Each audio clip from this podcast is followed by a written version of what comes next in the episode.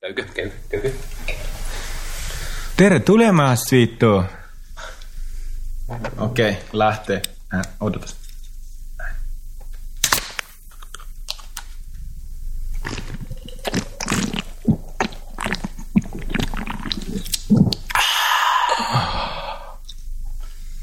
Mun tuli ehkä pikkasen enemmän sensuaalimmin kuin sulla. Ehkä, ehkä. Aika herkkää. Kyllä, kyllä. Eli hei, tervetuloa hyvät arvon kuulen... Perustaa. Ihan perustarti. Ota vähän lempeämmin ja uudestaan. Tervetuloa hyvät arvon kuulijat tänne meidän Villillä Korporaation posti, Postia vaan Piakopille osio. posti ja pappi podcastiin, jossa tänään meillä on erityisen... Vittu, otanko uusi? Otetaan vaan ihan suoraan uudestaan.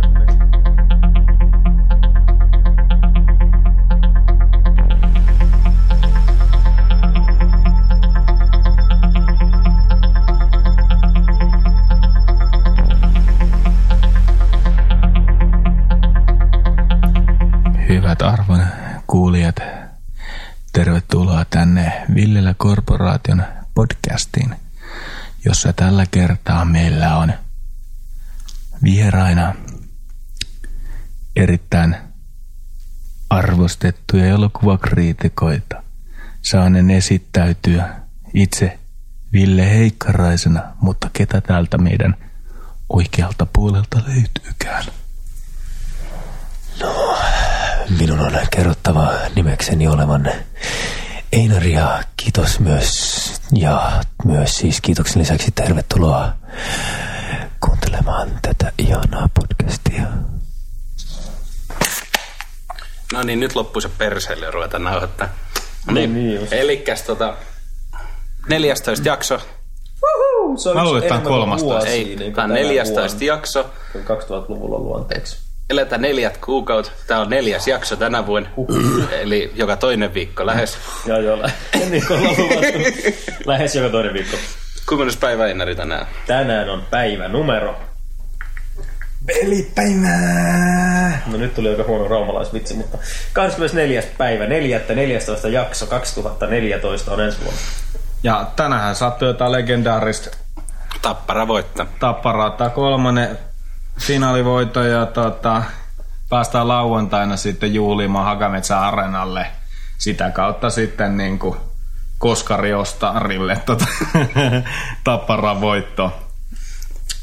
Ja tosiaan, tosiaan Se jääkiekko-uutista tällä kertaa. se, se jääkiekko-uutisista. Tällä kertaa meillä on niin kuin alku aika iso paketti kaiken näköistä ekstraa ja Kyllä, kyllä. Joo, tehdään yksi vine tässä.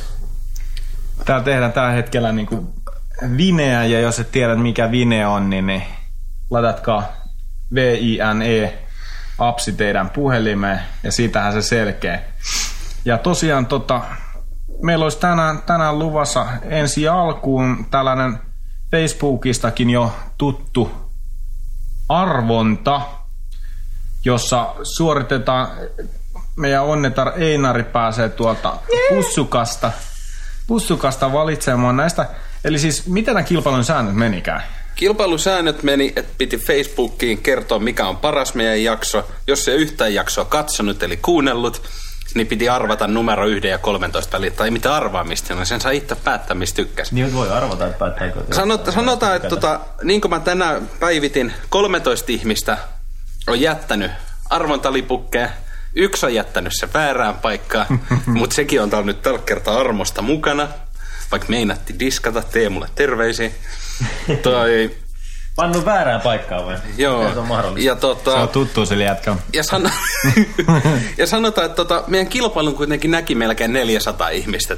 Wow, ja Prosent- Prosent... osallistujaa. 13. 13. Vieläkö olisi yksi saatu? Pitäisikö mitä kirjoittaa? Ja Jos sulla on 14, suuri osa niin- kuitenkin myönsi, että ne ei kuuntele tätä. Se on melkein enemmän kuin tuota, Johanna Tukiaisella on seksikumppaneen. Melkein. En- en voi sanoa no niin, nyt on laput sekaisin, täällä on mun myssykäs. No niin. Einari silmät kiinni ja käsiksi Minä pistän pipon silmille. Niin... pipossa. Se on hyvä, että näette nyt sen. Ja jos on rami, niin arvotaan uusi.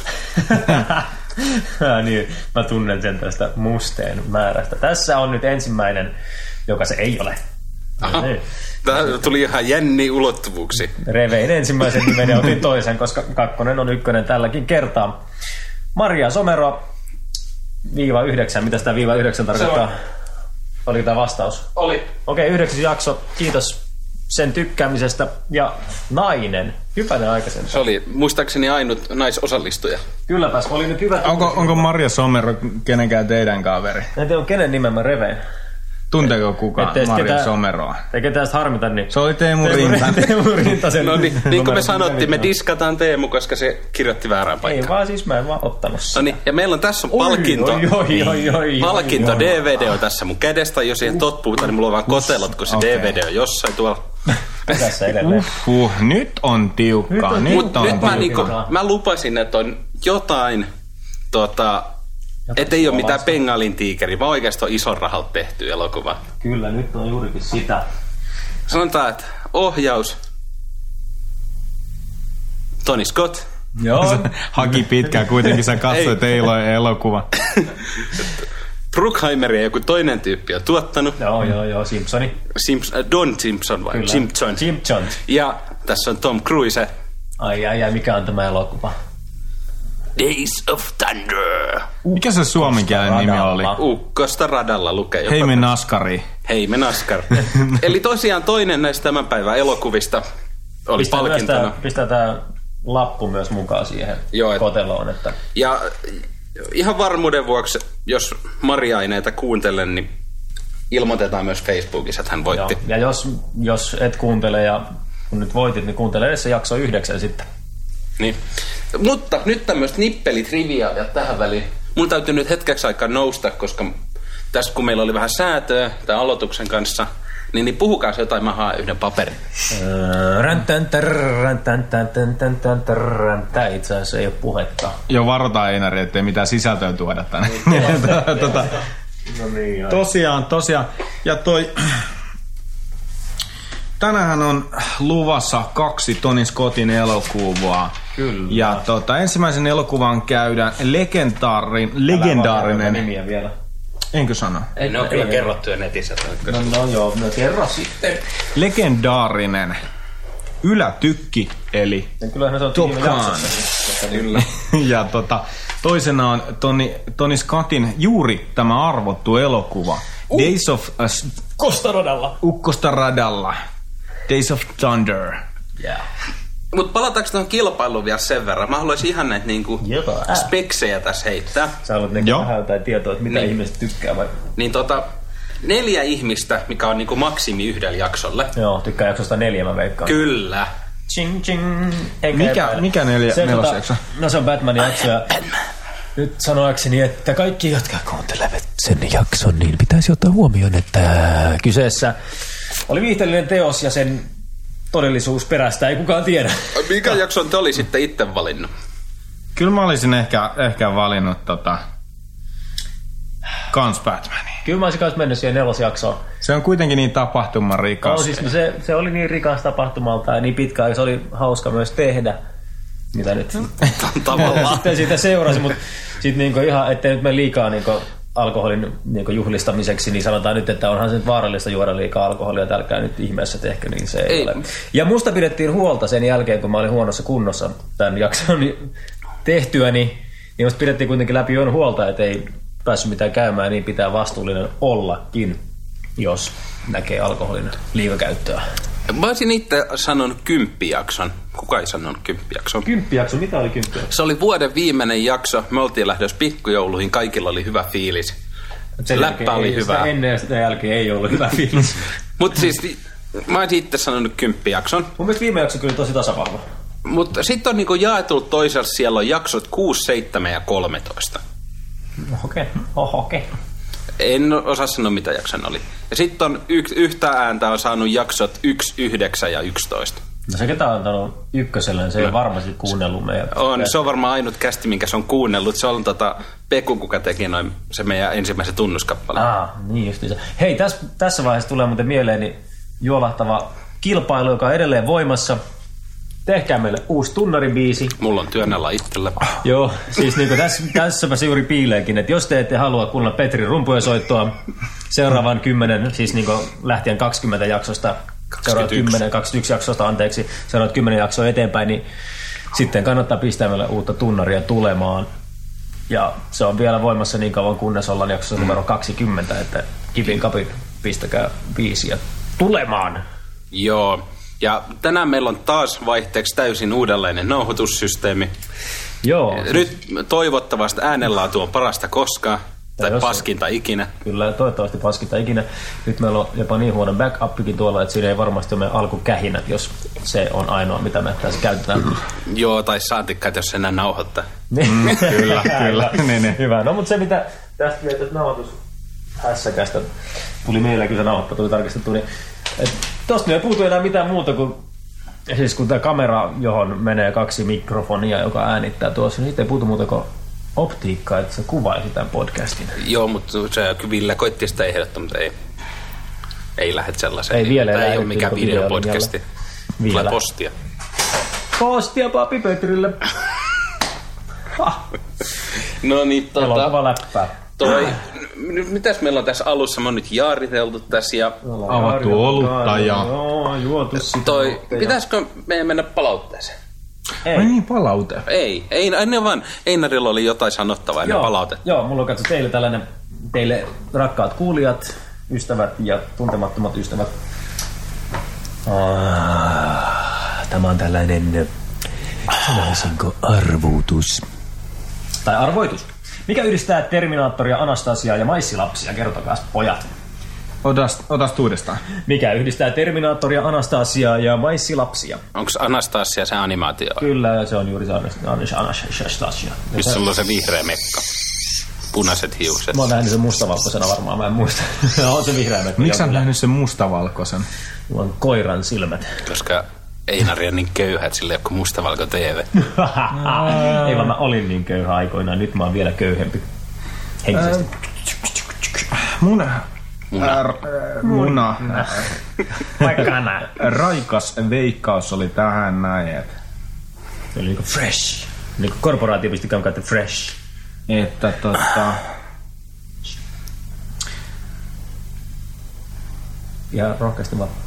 Mä ainakin leikkaan tämän tyhjän kohdan tästä pois. Älä vittu. mä, mä, sa- Samasta sisältöä. No. mä sanoisin, että Älä kurki. kaikki tulee takaisin, Alpi Pak. Se oli jokaisen viimeinen repliki.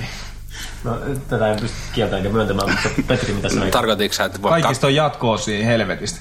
ka- äh, mun oli, mä olin tulossa tähän, että 2013 remake kaikista näistä kolmesta. Ei, ei, ei, ei, jää hyviä ajatuksia. Mä en tiedä, onko Anastasiasta jatko-osaa, mutta niinku... On siinä tonasta se on kakkonen. se on Ja vaan- kakkonen ja ykkönen. Niin, niin, peri, peri, periaate. Tiedätkö, kun se eka kerta niin kuin Venäjä chariajoissa, seuraava kerta niin kuin sit, tiedätkö, Venäjän niin kuin neukkuajoista. No, sitten seuraava taas Venäjä, Miss, Venäjä. miss, ei, missä miss, ei, linjoi. miss ei niin kuin tämä äh, toi Rasputinin, Rasputinin tota, myrkyttämä tsaariaikainen keisarikunta herännyt vaan niin kuin. Mun mielestä, Sitten se tsaariaikainen keisarikunta jaettiin kaikkien kesken yhden. mun mielestä on Hauska. hauska. Tylsä elokuva. Ville päätti pitää koko lähetyksen noin tota, kuulokkaan päässä. Se on ihan hyvä, että myös yhden. Et Joku, joku kuuntelee, että siinä jotain menee sisään. Tämä on ihan mukava, kuuntelee koska tätä se podcastia. kuulostaa siltä, että sä ku- kuiskaat Petri koko ajan mun toisen korvaan. Joo, mutta siis mikä näitä yhdistää? Eli Terminaattori, Anastasia ja Maisilapsia yhdistää Top Gun. Tan, Ei tan, tan. mitenkä. No siis näyttelijöitä on samoja. Mä voin myös kertoa, ketä on missäkin mitäkin, mutta Ei meitä kiinnosta. ei, ei tätä kiinnosta kuitenkaan. Eli Terminator-leffasta löytyy näyttelijä Top Gunissa, Anastasiassa löytyy ja Maisilasten paluusta löytyy sitten samat elokuvat. Entä Mulan Rouge ja kumissa tämä Grand Theft Auto 4 The Lost and Damned videopeliä, mikä niitä yhdistää? No oisko Days of Dance? No, Aivan oikein, rukkosta radalla. Ja samalla periaatteella. Hyvä pojat, te opeitte nopeasti. En mä tajunnut. Ei nyt. Ei nyt tajusin, mitä uskon myöntää, että tajunnut. Noniin. Oliko tää, voidaan me nyt mennä siihen palautteeseen? Voidaan me palautteeseen. Haluatko sä, Ville lukea sun tota, möreällä äänellä sen? Mä voin silti kertoa ennen kuin Ville pääsee, niin meillä on Okei, okay, kyllä, tekstiviesti tähän meidän studiopuhelimeen, joka numero on teillä tiedossanne ja onko se jopa podcastin sivuilla ilmoitettu, että siihen voi soittaa. En tiedä, ilmoitiksä? En ole ilmoittanut, Ei eli sitä ei ole ilmoitettu. ilmoitettu, joten soittakaa, jos teillä on mediokykyjä tietää, että tämä on käytössä. Mutta joo, tosissaan meille on tullutkin tekstiviesti, ja tässä sanotaan näin. Liittymäsi saldo on loppumassa. Ole hyvä, osta uusi latausivuke tai lataa lisää saldoa osoitteesta www.tele.fi. t.telefinland. Miettikää kuuntelijat kautta katsojat. Niin, kat- Tota, me ei ole soitettu tuolla puhelimella mihinkä ja meidän saldo on lopussa. Se on mystistä tämä. Eli sanotaan nyt ääneen, että 0404447179 No, on numero, josta meidät tavoittaa. kohta toistaa Soittakaa siis ihan suoraan lähetykseen, kun kuuntelette kuukauden päästä tätä. Niin, niin. No, mutta voitte soittaa joka tapauksessa. On suora. Eli, Ehkä niin kuin eli laitetaan sitä nyt, sadasosa, tota, murtoosa todennäköisyydellä öö, te pystytte voin soittamaan. kerro, kerro uudestaan. Eli se oli 04 0 Nolla, neljä, nolla, 4 4 4 neljä, neljä, neljä, 7 1 seitsemän, yksi, 7 9. seitsemän, yhdeksän. Ja soitellaan. Soita. Ringapa Heti. mei. Studioon. Ja sitten tässä vaiheessa on hyvä tarkistaa, että numero Ja ei ole virallinen. koska tota, Ikä tää ei ole muuten tarpeeksi hyvä läppä. pullea pilluinen. Nainen odottaa sinua langan päässä. Nyt tästä tuli joku aikuista podcastin Niin, muuten. mutta tää ei ole vielä mennyt rasistikästi. Ei ole ollenkaan. Mulla on sellainen vahva, vahva Ah. tota, ei ole vielä alkuun pitämällä päästä, et eikö se vielä kerke, Yeah. niin, niin. Niin, niin, niin. kun Ville on Kyllä. mukana. se, Tota, mä vielä omalla nimelläni jaan tämän puhelinnumero. Koska tässä ei ole Silloin mitä... mitään... pelkästään soita heti vai? On siis se puhelinnumerokin, ja soita heti. Niin, niin. No niin, kyllä sit rupeaa varmaan Sir puhelin No pärräämään, mutta Public. Mistä me laitetaan tuon puhelin, jos sä soit tohon? Mikin alle. Mi, mi, mikin... Mikki merihädässä. Mikki Merinen lähtenyt. Mikki haista vittu. No nyt tuli taas niin aikuista. Anteeksi. aikuisten lähetys tästä, ei tarvitse näyttää edes kenellekään. Mutta äh, ei nyt niitä aivan, tää oli elokuvapodcast, ei mennäkään sen toiseen Tämä ei aiheeseen. ollut niinku Heikkaroinen puhu pimpeistä ja sinä vituista, niin kyllä tämä meni nyt ihan muualle kuin elokuvia. Paitsi onnekin elokuvia, sellaisetkin elokuvat, missä niitä näkyy. Vaikka Mikki sulkikin. Okei, no ne ollaan hiljaa nyt tästä aiheesta. Riehädässä ja kaikkea. Nyt No niin, Mm. palautteen Ville, vuoro. Ville jatkaa palautteen luk- Meillä on tullut siis sähköpostipalautetta. Sähköposti Einari on... Villila, mikä se muuten on tuo podcast? Et Villilä korporaatio. Ja otetaan sitten ihan vakavalla naamalla. Podcast at villilakorporaatio.com Sinne voi laittaa palautetta. Tai jotain muuta. Ja Ville lukee nyt. Nyt on akukuvia Eli. eläimistä. Täällä olemme saaneet tällaisen hyvin pitkän, pitkän sähköpostin ja lähdettäkömme lukemaan tätä. Voi pojat, numero 13 näytti jälleen kykynsä. Kiirastorstaina Jeesuksen syömäseurueessa pääluku oli 13 ja huonosti siinäkin lopulta jonnellekin kävi. Tämä etenkin apostoli Einarille muistin virkistykseksi. Nyt tulee vaikea, vaikea sana. Joo, joo, joo. Triskaide... Ää, vittu, otetaan uudestaan. Triska... Otetaan uudestaan. Triska ideka fobiaa pidetään Otetaanko muiden vielä fobi... uudestaan? Triska idea fobia... Ai kato, se on... Äh, joo. Triska ideka fobiaa pidetään muiden fobioiden ohella ahdistuneisuushäiriönä ja ahdistukseni alkoikin siitä hetkestä, kun Sami sammasi ulos ensimmäisen lauseensa. On kuulijana, anteeksi, on kuulijan rajua aliarvioimista esiintyä humalassa. Eihän Sami edes ollut, kun se oli menossa sinne johonkin kokoukseen, tai mihin vittu se oli taas tuli Samihan ei tosiaan ollut humalassa. Oli se joi kaljaa siinä. No ei sit humalassa välttämättä nousussa se. ole. No niin. Ja loppupeleissähän se oli, että en mä voi enää tuon voimauttaa. Ja Se ei mennyt sinne kokoukseen, mitä piti mennä. Podcastissanne käsitellyt elokuvat eivät myöskään kiinnostaneet kuulijaa. ja Keskusta, keskustelustanne päätellen elokuvat eivät kiinnostaneet edes teitä. Pidetäänkö paussi tässä kohtaa? Einari, sä et päätä enää yhtä elokuvaa, mitä me katsotaan. Hei, te voisitte katsoa nyt elokuvia, mitä niin sanotaan, että katsotaan. No niin, jatketaan. Ville hukkas kohda. Joo. Kyllä. Aloita alusta. Miksi valita ohjelman elokuvia, jotka lähtökohtaisestikin eivät kiinnosta kesku- keskustelijoita edes sen verta, että niitä viitsisi katsoa? Sitten tiedoksi täältä puuttuu pilkku vertaa, että jos, tarkoistu, jos tarkoituksenanne Hyvä, että just on tällaista tehdä ohjelmaa kuulijoille, valitkaa jossain määrin kiinnostavia elokuvia, taas puuttuu pilkku, joista voitte keskustella ja kiistellä. Jos tarkoituksen... Vittuko vaikea sanoa. Jos tarkoituksen se... Tarkoituksenanne on vain viihdyttää itsenne, tehkää se mieluummin mikrofoni suljettuna. Top Gun sen sijaan on hieno ja kiinnostava elokuva monin tavoin. Sanotaan, että Top Gun on tarina homosok... homoseksuaalisuudesta. Maverick tasapainoilee homouden ja heterouden, heterouden veitsen terällä koko ajan. Pojat kisailevat ehkä jopa käsin kosketeltavan... Ei kun anteeksi, mä hyppäsin yhden lausen. Onneksi mä en lukenut tätä. Pojat kisailevat ehkä jopa seksuaalisävytteisesti fallottisella ilmaaluksilla ja tunnelmaan toisinaan käsin kosketeltavan jännittynyt Maverickin ja Icemanin välillä. Kohtaus, taas hei pilkku oikeasti, nyt jonkunnäköistä kieliopi. Kohtaus pilkku, jossa Maverick tunnustelee heterouttaan, on varmasti, tossakin voisi olla, on varmastikin se pilkku, kun hän menee Charlin, huomatkaa naisen miehekäs nimi, luokse. Pilkku. Siinä on. Siinä on hienosti käytetty. Hyvä, hyvä. Maverick eh, ja Charlie juttelevat pitkään ja Maverick käy jopa suihkussa pilkku, mutta lopulta poistuu paikalta miehekkäällä moottoripyörällä vain korostaakseen kaipuutaan miehisen syleilyyn. Huomasitteko te elokuvan homoseksuaalista jännitettä ja pidättekö, pidättekö elokuvaa homoseksuaalisuuteen kantaan ottavana? Kuka se oli lähettänyt? Täällä on puumerkkinä TR. No niin, eli R-ltä tullut. Vakio R. Vakio reikä.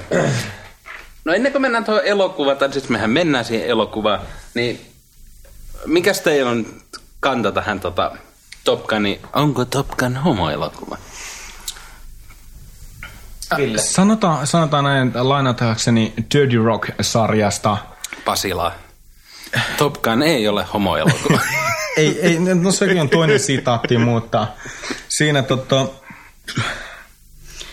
Nyt en muista, onko äh, roolihenkilön nimi Lindsay vai Lin pelkästään. Äh, sanoo, että hän vertaa, tekee vertauskuvan, että hän ei ole nähnyt pitkään aikaan mitään yhtä homoa kuin äh, lentopallokohtaus Top Gunissa. Eli se, se on jossakin maailmassa tämmöinen niin kuin hyvin suuri vertauskuva niin kuin monen tällaisen toimintaan, mitä tehdään ihan homona. Huomasitteko te muuten, että Maverick pelasi lentopalloa farkut jalassa? Sitä ei edes monen liikuntatunnissa Suomessa voinut tehdä. Ja, mutta tämä oli Amerikan elokuva. Aa, totta, ei ollut suomalainen elokuva. Joo, Joo, Joo siis ja- ja... tota, mulla oli tiedostaa niinku, käsitys tässä, niinku, että tämä on niinku, ns. homoelokuva. Mun oli hyvin vaikea tänään, kun mä tätä katoin niinku, pitkästä aikaa. Niin, kyllä sieltä niitä kohtauksia löytyy, kun sä mietit sitä, että onko tämä nyt sellainen elokuva. Niin, niin kyllä vähän haiskahtaa nyt. Mä siellä vähän niitä katsojia ja Joo, ja onhan siis nimenomaan, kun tästä puhutaan tästä ää, naisesta Charlie, niin, niin tota, sitä on syytetty erittäin paljon tämmöisestä niinku cross-dressingistä, eli ristiin pukeutumisesta, mitä Jeesus teki. Mm. Niin, tota, sama mieli. ei vaan, vaan tosiaan tota, ristin pukeutumisesta miehen, miehen vaatteisiin, niin joo, kyllähän sillä oli erittäin maskuliinisia vaatteita monessa osassa. Et paljon ne ei ollut, tota, alussa oli vähän sellaisia tavallaan hempeämpiä vaatteita silläkin nais, mutta sitten oli niinku sellainen housupukua ja sen jälkeen oli nahkatakki ja muuta. Et olihan, se, olihan se sellainen niinku tavallaan tämän Maverikin niinku, jotenkin tämmöinen niinku lihasta muodostuva kaappi. Tosi kiva, kun sä Ville puhut tommosella niinku, rauhallisella ja No, kun sä- sensuaalilla äänellä. se johtuu vaan siitä, että mä oon hyvin lähellä mikkiä. Ja sä tiedostat ja mä tämän. kuulen omani äänen. siis, joo, ja sitten tota, varsinkin tota, kun siinä käytiin semmoista niinku, semmosia niinku herkkiä keskusteluja, niin sitten se pienomusiikki siellä niinku miesten taustalla oli aika semmoinen, että mitä tässä nyt tapahtuu. Ne oli siinä kauniita poikia ja oli siinä paljon itse asiassa paljasta pintaa. oli, ja Oh. sitten niillä kaikilla oli hiki suurin osa ajasta. No joo, siis totta kai ne öljyttyjä koko Öljytty ja hiki, ja Suurimman osa leffa. tosiaan Maverikilla oli farkut, kun se pelasi lentopalloa. Ja Ja itse asiassa Näytti mä tosi haluaisin hyvältä itse tietää, asiassa. tietää sen, että mä en ole siis itse, itse koskaan laivastossa ollut lentotuki tukialuksen. Aluksen, tot- en ole. näytit kyllä itse asiassa, Itse että sä olisit asiassa voinut olla. olen niin kuin, tota, sotilas, Villen kanssa sotilas, mahdu tässä so- lentokoneeseen. sotilasarvolta, niin, niin kuin, olen tota, lasku, Ruotsalainen. laskuvarjojääkäri. Ville ei tarvii laskuverran, kun se tulee vitun nopeasti muutenkin alas. Laskuvarjolääkäri. ei, mutta sitten tota, palatakseni naiseen, niin tota, olihan sillä aika miehekäs ammattikin, Miksi et sanonut tullakseni naiseen? koska se ei olisi pitänyt paikkansa. Mutta to, Padapim, padapam. tosiaan, Kapis. tosiaan Olihan siellä mieheksi sama. Ei närkällä puhu Siis- siis, käden siis- siis... takana. toi Voinko puhua kahden käden? Mutta siis, et, mun mielestä, mä, joo, siis joo, joo. Mut siis Joo. miten tämä elokuva olisi teidän mielestä muuttunut, jos tämä Charlie olisikin ollut kolmilahkeinen? Vaikka se sanotaan kaksilahkeinen, mutta mä mietin, että sillä olisi tarvinnut niin iso En mä penis tiedä, tarvitse se, omaa olisi lahkeen. ehkä, sa- se olisi saattanut tuoda ehkä olisi niinku vähän erilaista kitkaa tähän elokuvaan. Mm, Niinku, Iceman koska... olisi ollut vähän niin kuin eri linjoilla. Niin, eikä tosin, Iceman olisi joutunut olemaan naishenkilö muuten. no en- siis mä sanoisin, että jos Iceman se olisi kitkaa ollut olisi mies, tullut niin kuin se on Val Gim- Gilmer vai Mil Gilmer, olisi ollut mies. Miettikää, Se- se, siis- siis, Batman, Mut- Val Kilmer. tota, Val Kil- Kilmer, niin, niin jos tota, näin kuin tämä setup on, mutta Charlie olisi ollut mies, niin se olisi tuonut semmoisen niinku uuden, uuden käänteen siihen hommaan. Nehän piti sitä niinku suhdetta jotenkin tämmöisen salasena siellä. Se oli vähän tämmöinen Brokeback. Ja sitten tota, mikä mua kaikista eniten hämmästyttää, niin, niin se naisen ammatti oli konsultoida siellä niitä tota, lentäjiä. Niin ainoa mitä se selitti on siellä, miten, miten MIG-lentokoneen tota, hävittäjän mm, kone toimii ja mitään muut se ei sanonut. No siis se sai siitä varmaan sen päivän palkan. Ei, kyllä se kertoo, ei, niin puhuta, ei en mä tiedä, mä oon hiljaa. Charlista. Niin sitten naishenkilöstä. Nais- nais- Ilmo, il, Charlista. ilmoittihan se tota, myös, että mitä lentokone maksaa. Niin, se sen kertoi sen hinnan. No onko se nyt oleellista? Niin Kyllä mua vähän kiinnosti, mitä semmoinen, kun ne ampui niitä kuitenkin pari elokuva-aikana alas, niin Joo, joo, joo. joo. Mutta siis se, mikä oli hauskaa huomata nyt tässä, kun tämä katsoi pitkästä aikaa, niin tässä tehtiin ihan sama kuin Flight-elokuvassa, eli löydettiin väärinpäin. Et ne olisi keksinyt Flightiin kyllä jotain omaa, eikä varastanut vaan suoraan Tony Scottin helmestä niin tätä hienoa ylösalaisin lentämistä. Mutta tota, onko teillä nyt jotain lisättävää tähän homoaiheeseen vai ruvetaanko me puhua tästä elokuvasta? Ja siis voidaan puhua tästä millään muulla kuin tällä homo niin Siis näkökulmasta. mulla on täällä montakin kohtaa täällä. Ai Niin. sulla on montakin muuta kohtaa, missä ei sisälly Niin. miehekästä mieheilyä no me voidaan tai miehekästä vieheilyä. Suomessa tehtiin, että niinku kuusin pojalla oli lentokoneella ollut kädessä, mikä oli Transformers, eli se kannattaa Decepticoneja. Se on ton Villen puolella. Transformers. No niin, te ette huomannut. Mä Ja huomasin. teosta paukahti. en, mä en helposti huomannut menee. tällaista Siis faktaa. kenellä oli kädessä? Se kuusin pojalla, kun se vaimo ja Voi olla, Missä kohtaa? Siinä kun se vaimo ja se poika tuli sinne tota, ennen sitä baarikohtausta, ne soitti sitä pienoa, Joo, joo. niin ne tuli sen lentokoneesta, niin silloin oli semmoinen lentokone kädessä sillä pojalla. Mä katsoin sen 3D, niin se varmaan oli unohdettu pistää 3D. niin, niin tosiaan se pojalla oli semmoinen niin lentokone kädessä, Aha. ja se oli Transformersin Decepticonin se, Oliko se se, selkeä se lentokone viittaus. muodossaan vai Lent- lentokoneen muodossa jo, Tota, selkeä viittaus lentokoneisiin? Transformersiin. siis- Ai, niin. Eikö tosta tuli, tosta tuli mieleen, mieleen siinä, tota, kyllä, kyllä tämä nimenomaan tämä sivu, sivuha, sivurooli esittää, tai tämä hahmo, Goose. Hanhonen. Niin, Hanhi. Mulla oli kaikki niinku Maverick, Iceman. Sitten mitä siellä oli niinku kaiken näköisiä tämmöisiä kovinimiä. Sitten on niinku, mikä sun nimi on? Hanhi. Mutta eikö se heittänyt se muija sieltä tota, Maverickin läppää, että sun vanhemmat vihannut sua, kun sulla on tommonen nimi? Mä en Ol- ymmärtänyt sitä läppää. Niin olikin, joo, joo. Eikä, niin, en mäkään tiedä, siis Maverickhan on nykyään mulle sellainen termi, että se on jotenkin mies. Niin, mies. siis se kuulostaa vähän niin kuin tota, Yksinäinen susi. mikä? Maverick. Aa, Aha, okei, no tota, tota mä en tiedä. Mutta sitten sit, sit myös niinku, itse asiassa, Shakira.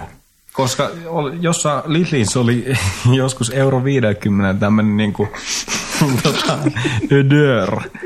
Ja tota, silloinkin kyljes Maverick. Mun oli pakko ostaa se sen takia, koska se luki Maverick. Ei olekaan pesää näkynyt vai?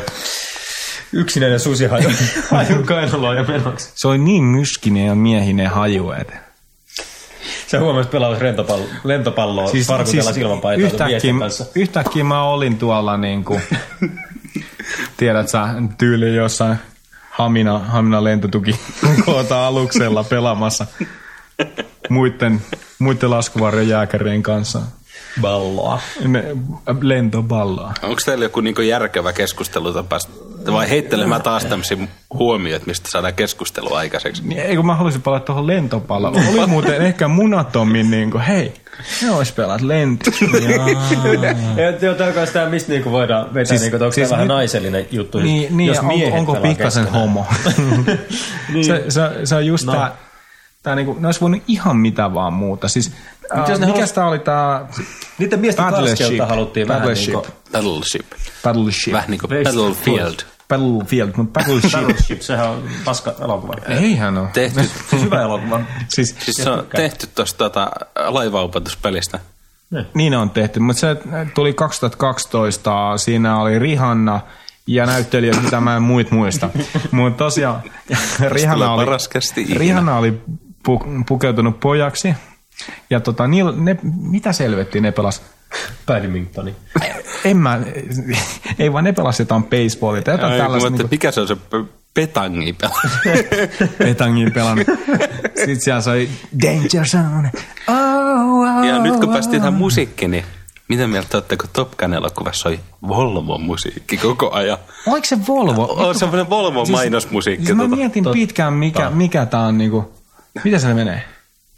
Bam bam bam bam bam. Ei se mennä. noin. Bam bam. Bam, Bam bam. bam. Taas meni vähän teosta.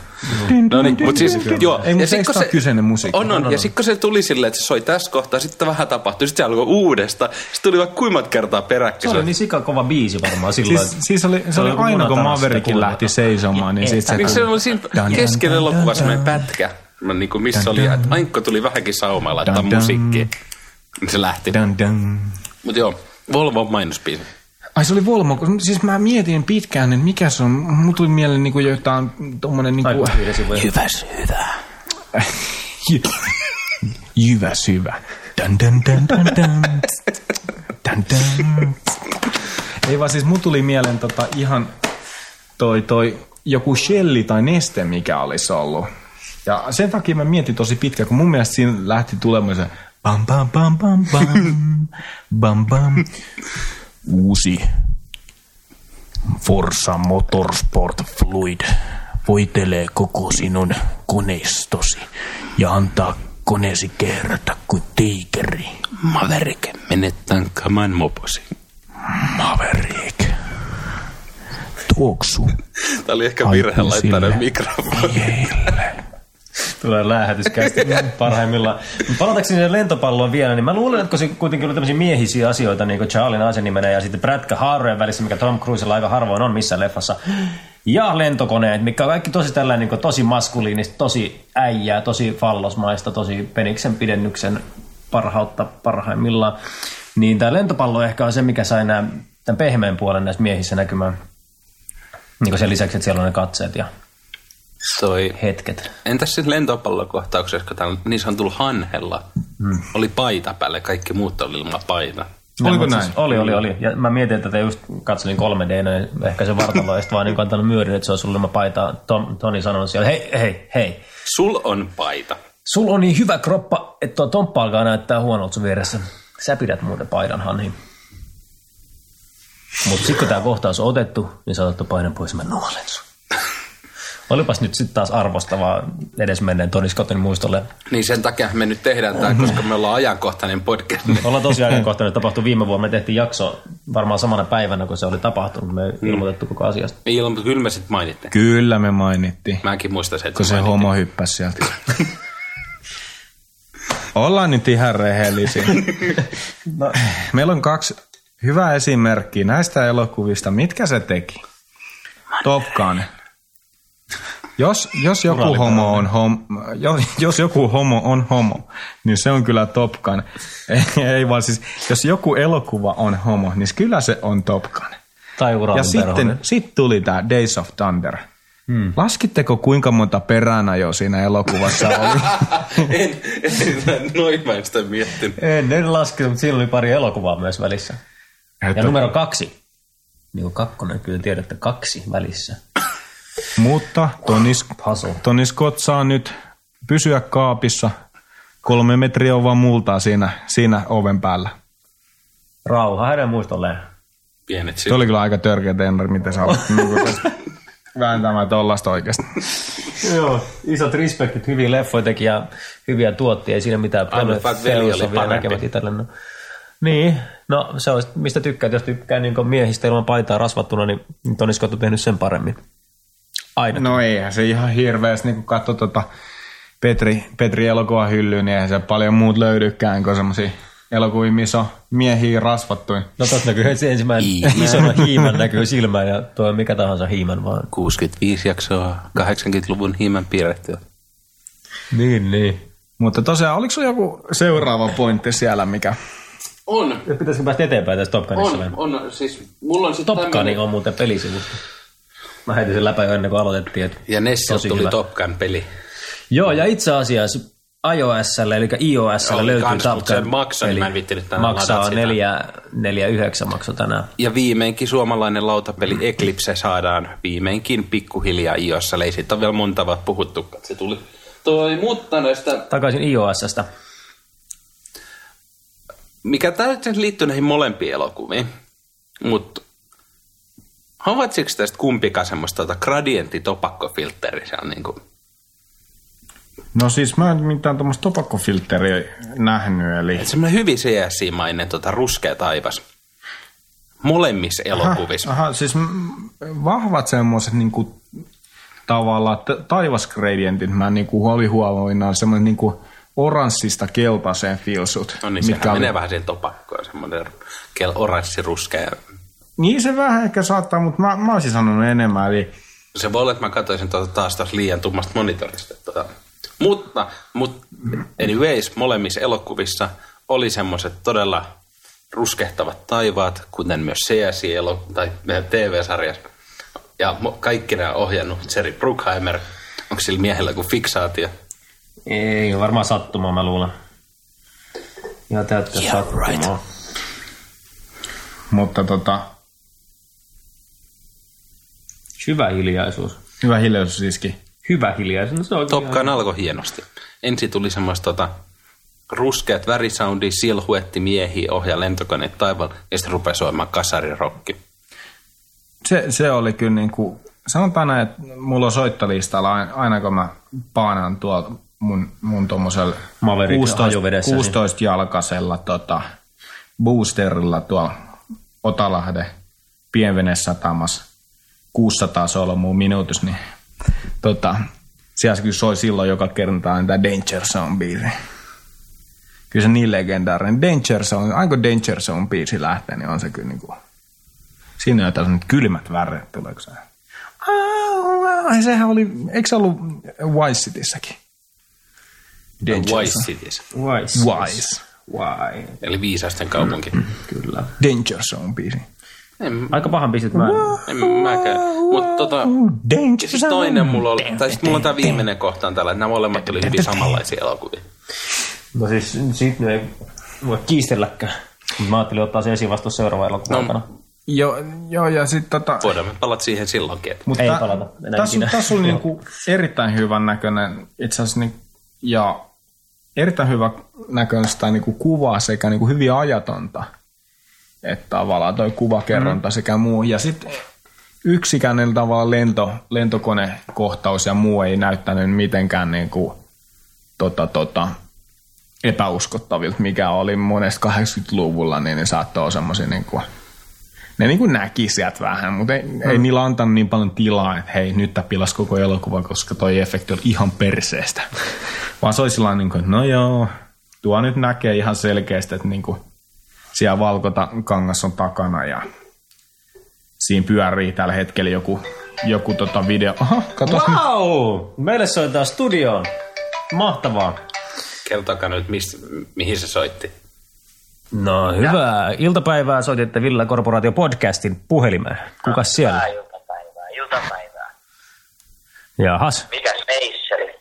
Meissilihän on aika lailla kohtalaisen hyvä. Entäs siellä? No niin. Joo, mitäs?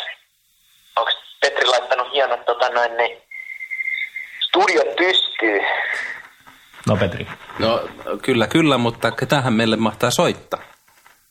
No mitä sä veikkaat? No kyllä minä tiedän, mutta kat- katselijat ei tiedä.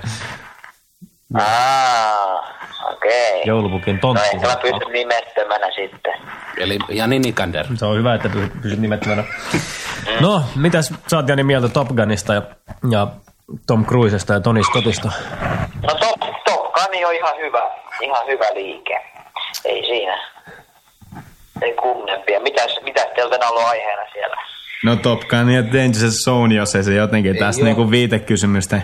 Ei kun Days- Days of Thunder kautta niinku ilmennyt. No Mit, niin, no niin. mitäs, Joo, joo. mitäs se Jani, Jani siellä tota, on viime aikoina, viime aikoina elokuvia katsellut ja mitä se haluaa pukilta toivoa? Mä tota, no, niin mietin, että mä olisin vaan kysynyt yhtä hommaa niin kuin liittymät näihin elokuviin. No kysy. Mutta ensin kerrot sun Ihan elokuvan tähän, tähän, mieltymykset. niin kuin tähän hetkeen, niin tämä Tappara S-matsiin.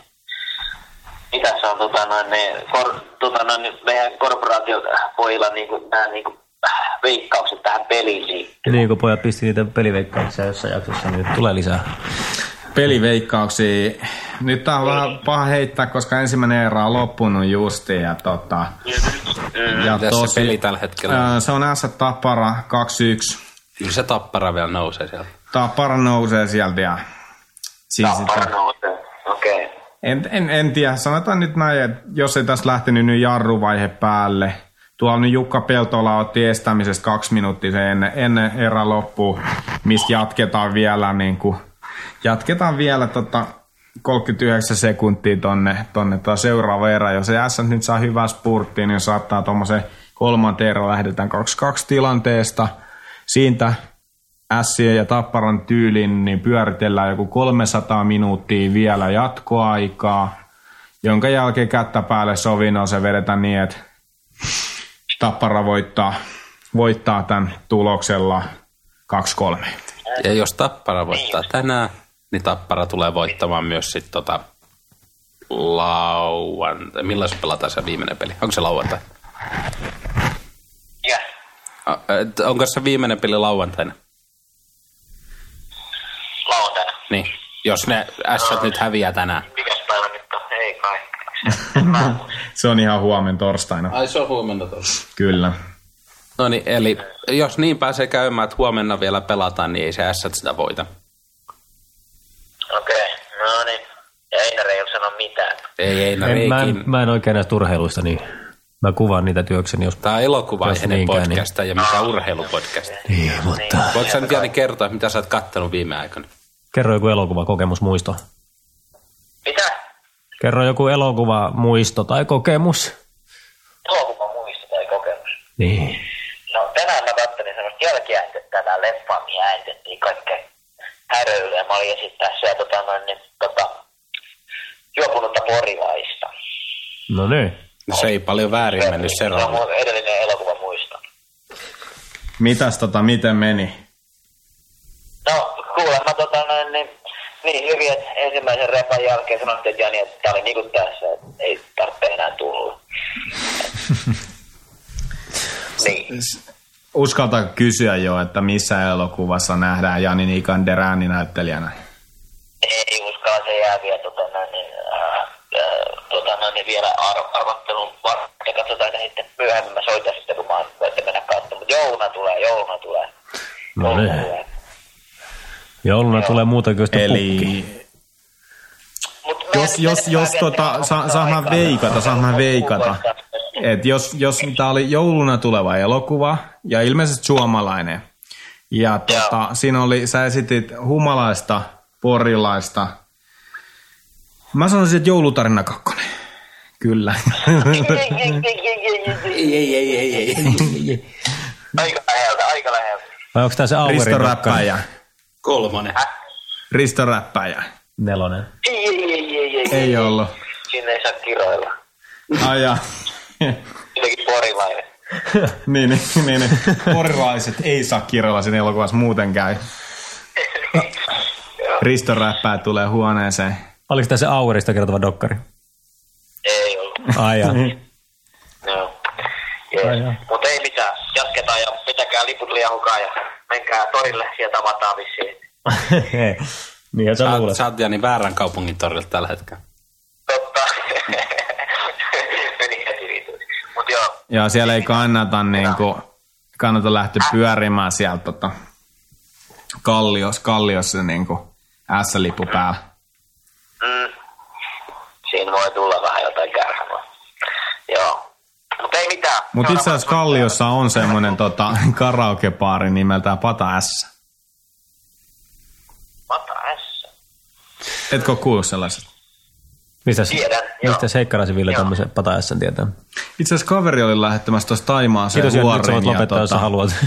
Sitten tota, se, ennen kuin se lähti lentokoneeseen, sillä oli 11 tunnin lento, niin, niin se ajatteli, että se menee vetää siihen pari kännit. Ja siitä sun lyhyt elokuva saikin sitten Onko nimensä. se sun kaverin nimi Eella vai M? Eellä vai Mllä? Eellä vai Mllä? Niin. Nää unetonta nyt. Ei, ei se, Joo. se alkoi Jillä. Te- Tehdään me uneton, ehdottomasti. Hyvä. Mutta ei mitään Jani, me ei enää halut kuunnella sua, niin voiko se lopettaa? Peace out, kiitos kun soitit. Ensimmäinen studiopuhelu Joo. ikinä Ei ole. oikeaan numeroon. Ai oikein kyllä. Tuut, tuut. Tut, tut, tut, yes! Voidaan me soittaa hätänumeroon. Onko sulla joku hätä? ei vaan se olisi ilmanen ja ei menisi meidän puheaika loppuun. Totta, tai myrkyt. Plus, että me Kertoo voitaisiin teema. kysyä niiltä niinku, tota, kiinnostavampia tota, Elokuvia. elokuvakysymyksiä, kun Janilta saatiin. Jani Jani Jani oli- rassas, että se oli kännis oleva porilainen. Mm, Niin, niin, ja niin. se oli tota... Ja kuka tänään ei olisi kännis ja porilainen tässä kaupungissa, missä me äänitetään? Einari. No siis kyllä. No niin, mut mihin me jäätiin? Top Gun elokuvan Top- Top. johonkin vaiheeseen. Top Gun Pitäis mä äh, elokuvan käydä- ja nyt tota- sulla oli jonkun näköinen, ää, jonkun näköinen, näköinen. kommentti. Mut, mitä jos tota, sillä pähkinänkuoressa, jos kuka ei, tai joku kuulija nyt ei ole nähnyt Top Gunia, niin mitä tää, tämän tarinan pistäisi pähkinänkuoreen? No, se pitkälti riippuu sit pähkinän koosta. Jos se on sellainen semipähkinä. Ah. Eli ylätykki elokuva. Huipputykki. Hui, ai huipputykki. Mä od- oletin se koko ajan, että ylätykki. Niin kuin. no, mutta okei. Tykkikö tykki? Tyykki, kun tyykki. Top Gun elokuva kertoo Maverick-nimisestä pilotista, joka hyväksytään tällaiseen lentoakatemiaan, missä parhaimmat, parhaimmista parhaimmat ää, hävittäjä, hävittäjän lentäjät opiskelevat Top Guneiksi, eli huipputykeiksi. Ja tota, tosiaan, tosiaan siellä toi käy onnettomuus, missä hänen frendu kuolee ja sitten hän koittaa ponnistaa itsensä takaisin ylös, ylös tästä ja ö, jotenkin omaa egonsa kautta kaikki r- jotenkin tämmöinen identiteettikriisi iskee päälle ja ynnä muuta paskaa. Oliko sitä- Spoiler. Ja lopussa käy hyvin yllättäen. Tomppa saa miehen. Yeah. pam, pam, pam. Pam, pam. Tiedättekö Bam, te bam. muuten, että toukokuussa tulee se paljon puhuttu Jurassic Park 3D? Oliko se toukokuussa vai? Kyllä. Creep. Mä katsoin tämän tosissaan 3 Oli aika makoisa kokemus. Oliko oikeasti? Joo, sitä ei itse asiassa huomannut, huomannut, että se oli tota 3D. Silleen 3D. ei vaan se ei ollut häiritsevän, siis kun se on tietysti jälkikäteen tehty, niin se oli ihan hyvin osattu siihen tehdä. Ainoa mikä vähän yksi kohta häiritsi jossain sen loppupäässä oli peilissä heijastus ja se niin siinä peili, peilin pinnassa oli syvyys. Niin se häiritsi mun silmääni, koska siitä heijastui joku objekti, mikä sitten olikaan siellä ja se syvyys näkyi sitten siitä pinnasta, niin se ei mun mielestä tuntunut luonnolliselta, vaan se näytti todella häiritsevältä ja vie- vei katseen sinne. Että se oli ainoa, mikä 3 d pisti silmään. Et muuten se oli kyllä niinku ihan nautiskeltavaa mies 3 d se paketti. Okei, okei. Toi... Toi on jännä, jännä. Olisi halunnut toisaalta nähdä tämän elokuvan, elokuvan 3 d tai jonkun vanhan, koska mä en nähnyt yhtään tuollaista niinku remake 3 d Mutta tota, oliko se joku, sä oot nähnyt kuitenkin uusiakin 3D-elokuvia, niin, niin menikö se siihen rinnalle? Joo, meni, meni, meni. Mutta sitten taas niinku se, mikä siinä vähän niin soundillisesti, kuvasoundillisesti, se oli edelleen vanha, vanha leffa. Ja se, mikä huomasi, kun se tosissaan on tätä terävää piirtoa, niin huomasi, että osa, siellä oli, no niin hyvä, osa filmeistä oli varmastikin niinku eri, eri kamaa, koska oli ihan eri soundisia kohtauksia osakseen. Et suurin osa oli semmoista kliiniä, hyvännäköistä kamaa, mutta sitten oli osakseen myös sellaista vähän jotain jämäfilmiä varmaan jostain muualta. Mitä se voi olla tuota hd jos sitä ei ole kuvattu HD-kameralla? Ihan mystistä. Ihan Hyvä mystistä. kysymys, ja miten se voi vielä 3D? No varmaan en tiedä, kyllä nyt on niin ihmeellisiä asioita tapahtunut. Mutta siis joo, ei se niinku, siis sulavuuden kannalta 3D, niin se toimii ihan nätisti, mutta sitten taas se soundimaailma, niin ei se, se, se erotti sen nyky 3Dstä, on se, että se ei ollut niin puhdas ja kliini kuvasoundiltaan, mitä nämä nyky 3D-leffat on. Eli... Eli löytyy sitä filmcrainia sieltä. Sitä ja sitä pehmeyttä, mitä siinä nyt sitten Toi on muuten jännä, mä oon kuullut itse asiassa tosta tota, kommenttia, että kun on noita vanhoja, vanhoja elokuvia tota, käännetty 3 d tietenkin on haluttu saada kaikki parhain niin kuin filmimasku, mm-hmm. niin niissä on heitely niis- niiden kopioiden laaduissa, että jos oli jossain roska tai jotain oikein pahan näköinen, tai sitten filmi on, filmi on vaan tota, heikentynyt, heikentynyt ja tavallaan haalistunut, mm-hmm. niin niissä- sellaista oli tässä nähtävissä. niin sitten tota, on haettu jostain muualta filmiä. Sitten saattaa olla niinku, se yhtäkkiä heittää nopeasti sen tavallaan linja siinä tota, tuolla. Et ei niin kauhean häiritsevien kuulosi, tai siis näköisiä ilmeisesti ole ollut, mutta niinku vähän kyllä se niinku erottaa. Joo, sen erottaa, mutta ei, se- ei se sillä häiritse sitä kokemusta, mutta sen, se kuitenkin huomaa, että se on muuten niin puhtaaksi kliiniksi saatu vedettyä. Varmasti joka frame, jossa on ollut mitään paskaa, niin on putsattu pois. Niin kyllä sit, kun siellä tulee eri laatusta se kuva yhtäkkiä, niin kyllä se huomaa, mutta ei se häiritse sitä kokemusta kuitenkaan. Sitten. Top Gun. Huippuosa. Onko Top Gun käsitelty vai onko teillä joku viimeinen ajatus?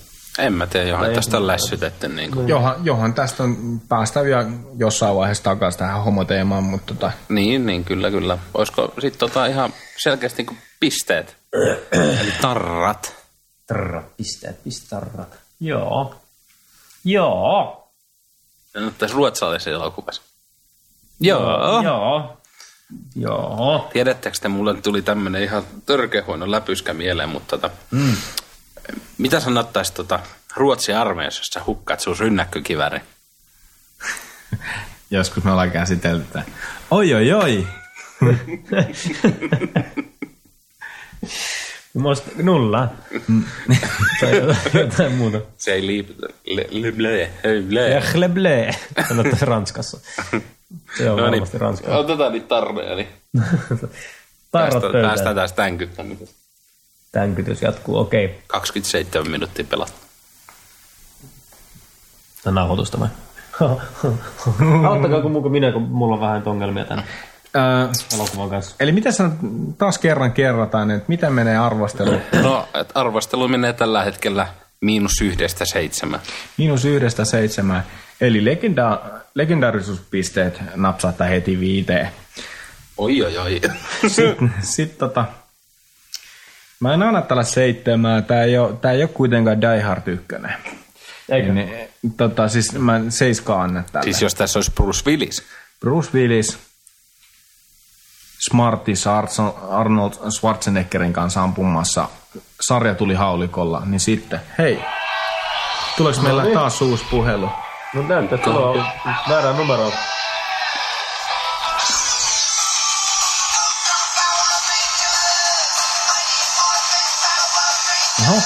Ja teostat paukku. No nyt paukku kyllä pahasti. Teemu. No hei. Terve, terve. No terve, terve. Otetaan uudestaan, me nauhoitetaan podcastia ja saat suorassa lähetyksessä. Jaha. no niin, tietysti. Me leikataan no. toi alku tästä pois. No niin, Ei tietysti. oikeastaan, no asia oli se, että niin mä soitin just teidän podcastiin. että No, mutta sä aloitit sen kuitenkin noin, että tota, Mitäs tota, meillä on tällä kertaa käsittelyssä legendaarinen elokuva Top Gun. Oot sä nähnyt elo- kyseistä elokuvaa?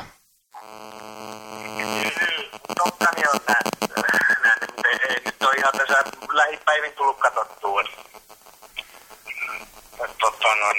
Ei se ihan tuoreet muistissa, mutta Onko sun mielestä Top Gun homoilokuva? anteeksi. Et onko sun mielestä Top Gun homoelokuva? Homoelokuva.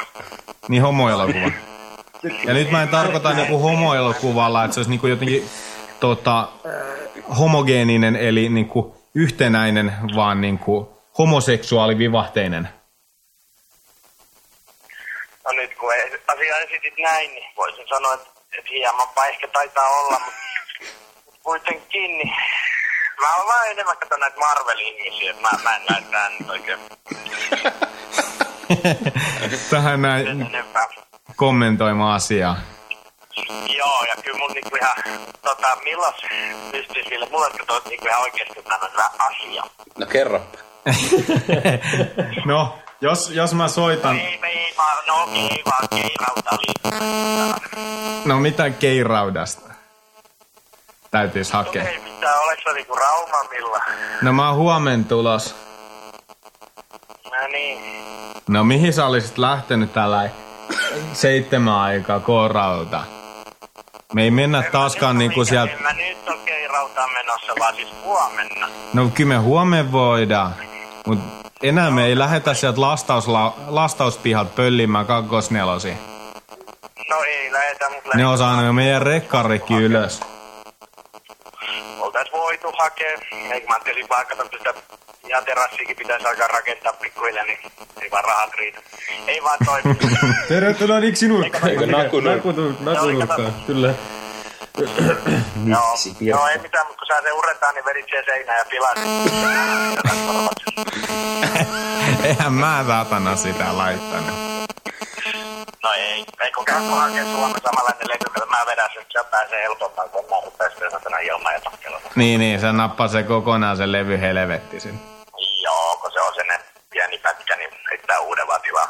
Pitäisikö siihen laittaa niin paskat siihen mitään, mitään tuu, tota, niitä keittiökaapemia, että siihen olisi sitten se tukipilari voinut vetää se Ai, ei, vaakapu. koko seinän vetää ja no tietysti olihan se nyt fiksu vetää kaikki seinän helvettiin sit ja eristää se kunnolla. Enpä taida jaksa. Niin, niin. Onko mitään keittohommia perjantai? Mitä? Onko mitään keittohommia perjantai? No ei, mä en ole ajatellut.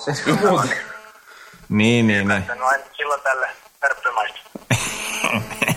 Teemu, Mä, mä se on. Teemu, No, kuunteleksä näitä meidän jaksoja? en mä oikeesti kuuntele. No, Okei. Okay. No sanotaan, että sä melkein voitit tänään. Ai ja mä melkein voisin tänään. No, okei. Mutta no, jos sä joo, haluat mä- tietää, mä- että mitä niinku nauhoituksessa tapahtui, niin kannattaa kuunnella. Okei, okei. Joo, eikö mä ajattelin, että teillä olisi joku kisa, mä vaan heitin se kutosen, mutta joku muukin oli sitä kutosta pistänyt sinne, että kai sit oli hyvä jakso.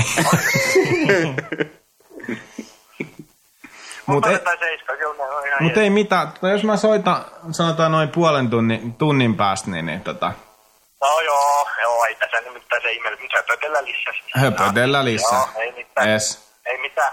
Puppelipojat, heippa teillekin. heippa, heippa. Ei. Eli se oli toinen soitto väärään numeroon. Joo. miksi, et, miksi te soitatte tähän väärään numeroon, etkä tähän studionumeroon? Niin, meillä on tää oikeakin numero täällä. Mutta Hyvät nyt Ville ihmiset. oli tuon puheluaikan aikaa miettiä sen numeroon. Joo, ja sillä jäi selityskin kesken. Tosiaan, tota, mä, mä sanon mitä mä annan. Mä annan kutosen. Perustelut. Se on Vi- Ruotsin seksi. Sex.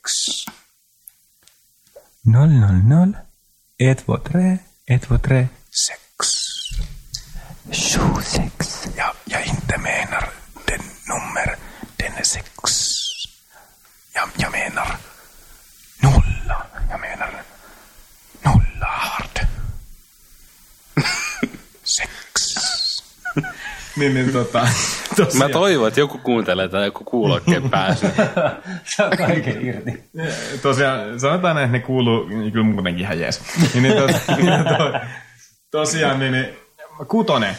Viisi pistettä, tai siis vitoseen päästään jo legendaarisuuspisteillä. Legendary! Legendary Binds, fuck yeah!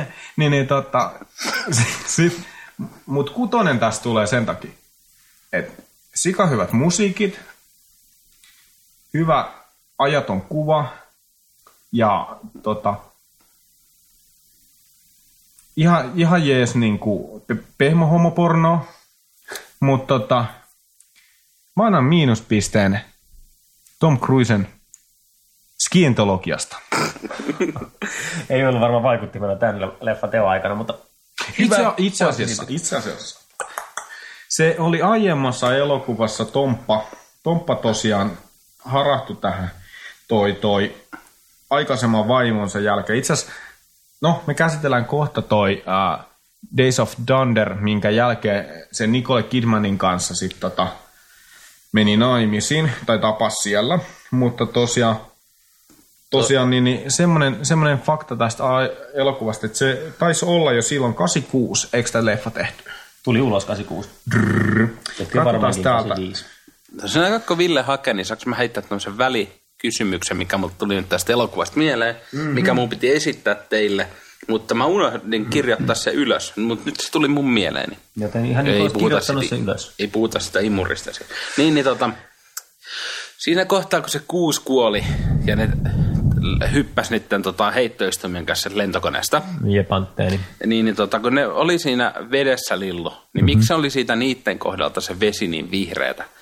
Mitä se niinku, oliko se joku niinku, että on tää ratkaisu. niillä on siihen lentokoneeseen niinku, äh, semmoinen pelastus, joku väriaine, mikä väriä sen ver- veden, että se pelastushelikopteri löytää ne helpommin. Mm. Kuvastiko se sitä lentokoneen bensaa vai miksi se olisi niiden Siis kohdalla? mulla on, mulla on tähän kyllä niinku ihan...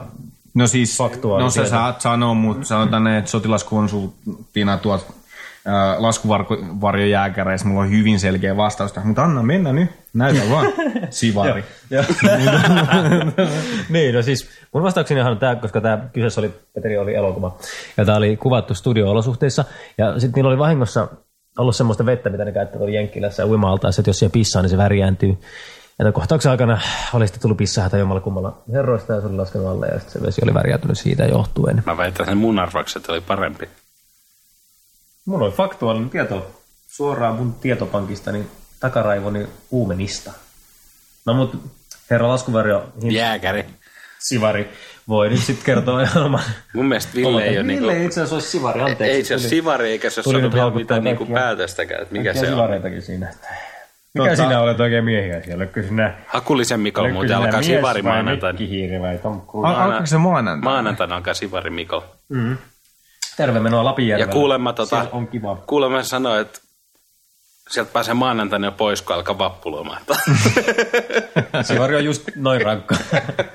Se on rankka koitas. Siellä voi vaan muistella, millaista, millaista oli rova. Niin, tota, tosiaan. Viikko putkeen, ai. että. Mies lämpöä. Varmasti Mies on. lämpö. Rovalla. Mut, tässä on nyt monta asiaa, mitkä mun pitää selvittää. Ensimmäisen oli äh, ää, Parisuhdeasia. parisuhdeasia. Oma- Mä olin väärässä. joku muu. Se ei ollut skientologi vielä tähän aikaan, niin, mutta niinku, Olin oikeassa. skientologia on ihan täysin niinku, ää, tommonen Täydellinen. 2000-luvun hömppäpömppä. hömppäpömpä lahko, mikä vaan kiristää jengiltä rahaa, mistä käsitellään vielä tänään. Sitten toinen asia oli, Käsitellään kaikki tänään. oli, oli Tänään. tota se mun laskuvarjojääkäri, jääkäriteoria.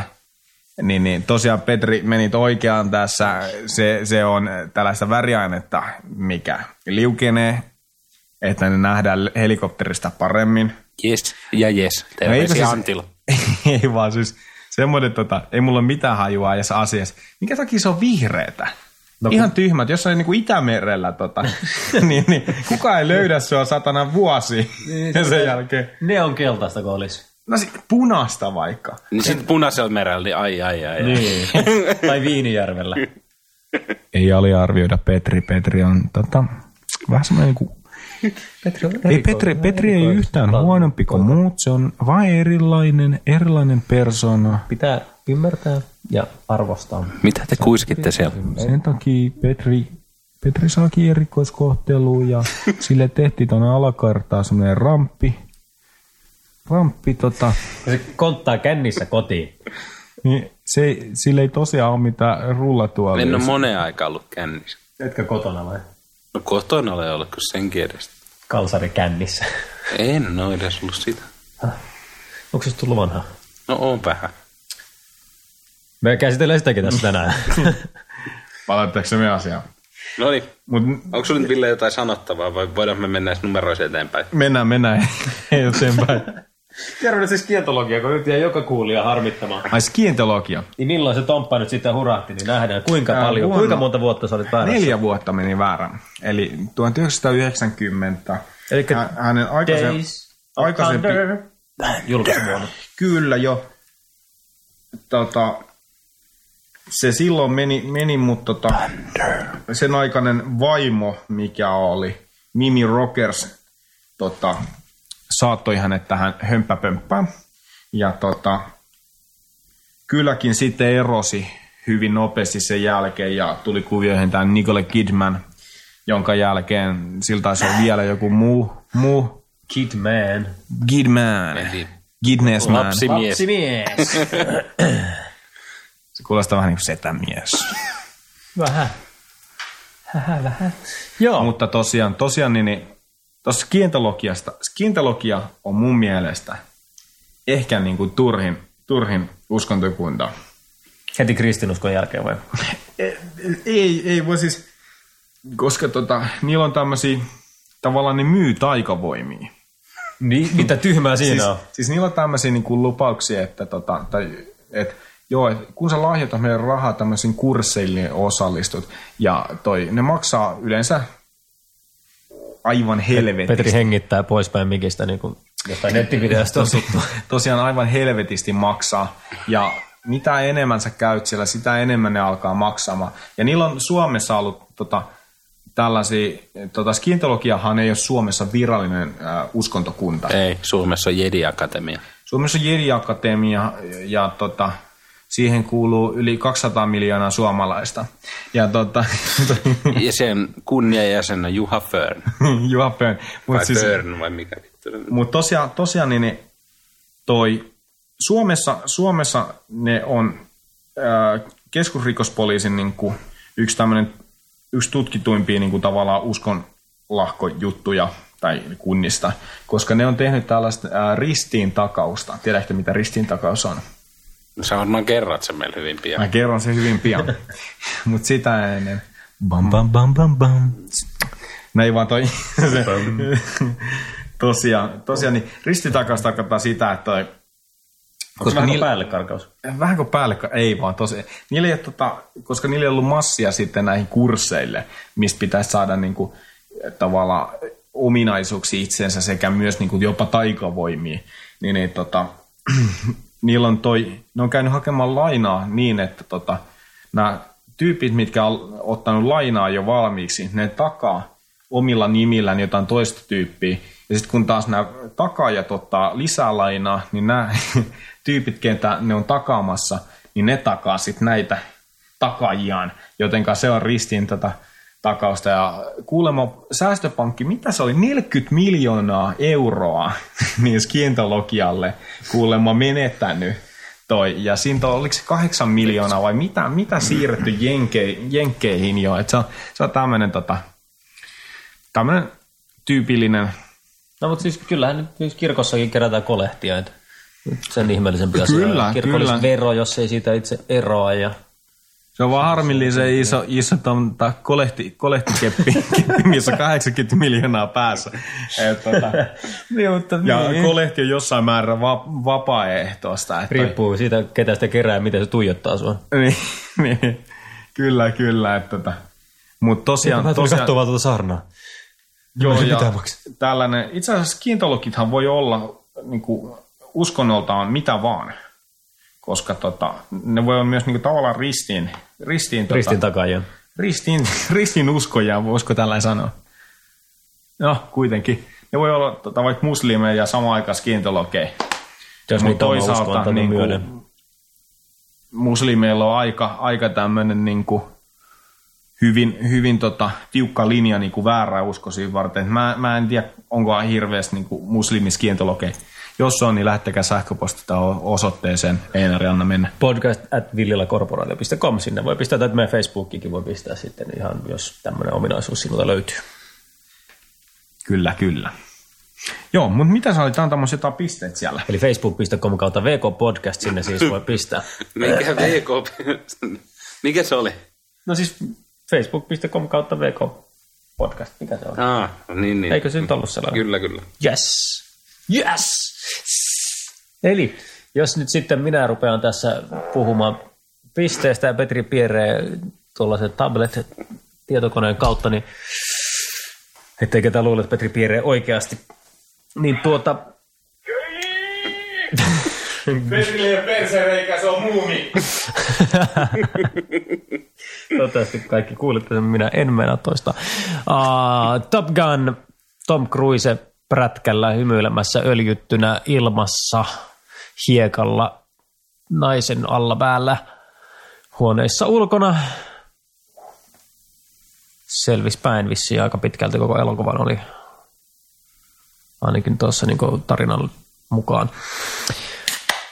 Se oli kiva, Joo, Joo, eihän sä, se sä sitä laukasit pi- mun, Joo, eihän nyt se tää sitä- ruiskas mun naamalle, niin tää hekrasin. Joo, eihän se sitä biisani siellä joka baarikohtauksessa. No niin, mutta siis, ei, no joo, okei, no oli se, siis joi, kyllä ei se, totta kai se oli kova jätkä, niin se piti käyttää alkoholia. Tupakkaa se ei vissiin polttanut.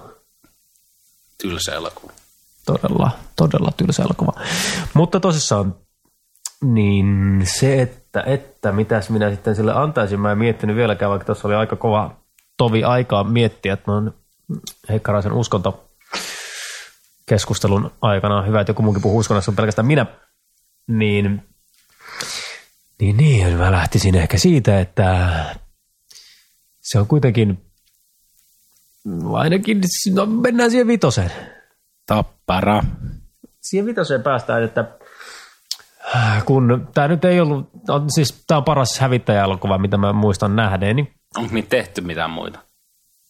Hyvä kysymys. Ei. Ei ainakaan montaa suomalaista tule mieleen. Mutta, tuota, Mut jos tehtäisiin, niin siinä voisi olla Tommi Korpela. niin, niin, niin voisi, tai sitten siinä voisi olla Samuli Edelman. Se ei mahdu. No mun voisi samat. Se Vesa-Matti Loiri. Se olisi komentaja. Tuota, tuota. Sitten siinä olisi myös Peter Franze tietysti, koska on suomalaista elokuvasta kyse. Ja Se olisi ihan varmasti se Jasper niin kuin Pääkkönen ja Iceman. Jasper Pääkkönen vai Ei vaan. Peter Franze. Kyllä. Ja itse asiassa... Niin, Rölli Nyt voisi sä olla saat siinä. Einari hetken aikaa miettimisaikaa. Ei me tarvitse yhtä miettimisaikaa, mutta kerro vaan. Tota, Einari ei välttämättä huomenna... Katoinko sä Ville, mä laitoin sulle aamusten linkin, kun Suomessa tehdään Batman-elokuva. Kas- Mä katson sen, tota, se- Huh, en, Mä, mä halusin tietää, että mitä, mitä mieltä mahtaa olla. Kenes yrityksen toi Batman olikaan? DC Comics. DC Comicsin, että millaisia paskamyrskyjä ne tulee sieltä, kun ne päättää, että hei, me lanseerataan tämmönen. Mutta toisaalta se eh, ei välttämättä ole mikään niinku iso levytyksen tulo. Ei, mutta siis tota, sanotaan, että kyllä teaseri oli ihan kivan näköinen, jos sitä voiceoveria nyt ei niinku... Niin ei- lasketa. niin, koska suomalainen kun puhuu englantia, niin you know. Eli Juno, se elokuva, Ei se räppäri. ei se räppäri. Niin justiinsa. With great boss, uh, power there is coming uh, big, big, how I say, big responsibility. Se oli Spider-Manista. race, race was good, but gearbox up in the Timos ass. Tota, mutta siihen liittyen vielä, niin, jos se kuva siinä tota, niiden nettisivuilla oli sit Batmanin puvusta, niin se oli yllättävän hyvän näköinen se Batmanin puku kuitenkin. Oliko semmoinen moottoripyöräasu, kun niitä myydään sellaisia replikamoottoripyöräasuja Batman puvusta? No, mutta anyway, Seinari, anna se numero. Palataan vaikka tämä Batman-aiheeseen. Mä myöhemmin. sanoin sen jo. Mikä mä en kuullut. Ei, ei mä kuiskasin sen viisi. Viisi. Viisi. Hyvä elokuva, mä suosittelen kaikkia katsomaan, ketä ei ole nähnyt, varsinkin nuoret, jotka ajattelee, että ei mitään vanhoja paskoja kannata katsoa, niin olette oikeassa, mutta tämä elokuva Joo. kannattaa katsoa. Meillä on kolmas puhelu, mikä on nyt tällä Ihanaa. kertaa kolmanteen väärän numero. Kyllä, ja kaikille tuttu ja turvallinen Ja tää rehmosen. pitäisi kyllä Ja olla on- niinku on- ihan studiopuhelu. Odotetaan sit hetken aikaa, pistetään kaiuttimeen.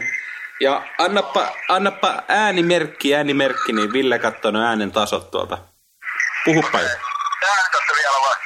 No totta kai ne äänitetään. Mä en siis kuule sitä, Sari puhuu ihan vitu kovaa. No me puhutaan sun lujaa. Hyvä.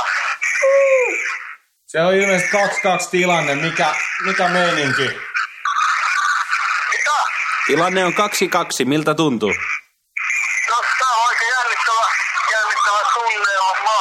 Tosiaan päästään sitten kolmanteen erään 50 sekunnin ylivoimalla meillä ässät lähtee ja katsotaan sitten miten käy. Halli täynnä, liikaa ei pääse liikkumaan, voi minuuttaa. Ihan hyvä meininki. Mitä mieltä sä oot Top Gun elokuvasta? No, pakkaa tää on ehkä yksi parhaita niin kuin, tuo Tom Cruisen elokuvia, eikö se ollut Tom Cruise siinä? Totta kai se on. Tiedätkö, että sä oot kolmas ihminen, kuka soittaa tämän meidän lähetykseen? Mitä? Olet kolmas ihminen, joka soittaa tähän lähetykseen. No niin, vittu loistavaa. Uh, no, mä annan sille Tukkanille tälleen mututuntumalla, niin... Mikä on täydä? Seitsemän. Seitsemän. Mä annan sille seitsemän. Sanot siis seitsemän. Ja siis jos kuulijat ei vielä tunnista tästä myöän keskeltä ääntä, niin meillä on Sami Rehmonen linjoilla. Joo. Tota, joo, toivottavasti tästä nyt päästään voittoon, että, että tota, päästään torille juhlimaan loppuun tää vitu sirkus Tappara, tää paikkaa. tappara, tappara, tappara, Nakkila, tappara. Nakkila sen jälkeen se on toista Petri. Mattila Snägäri jono. Mutta voi silti olettaa, että Ai niin, se on tässä Snägäri. sanoit on kommentin. Ei, kerro Sami vielä tuota kuulijoille jotain hauskaa. Sami Litsi nurkkaan. Ei kai, ei se tässä nyt hirveästi huumoria pysty repimään.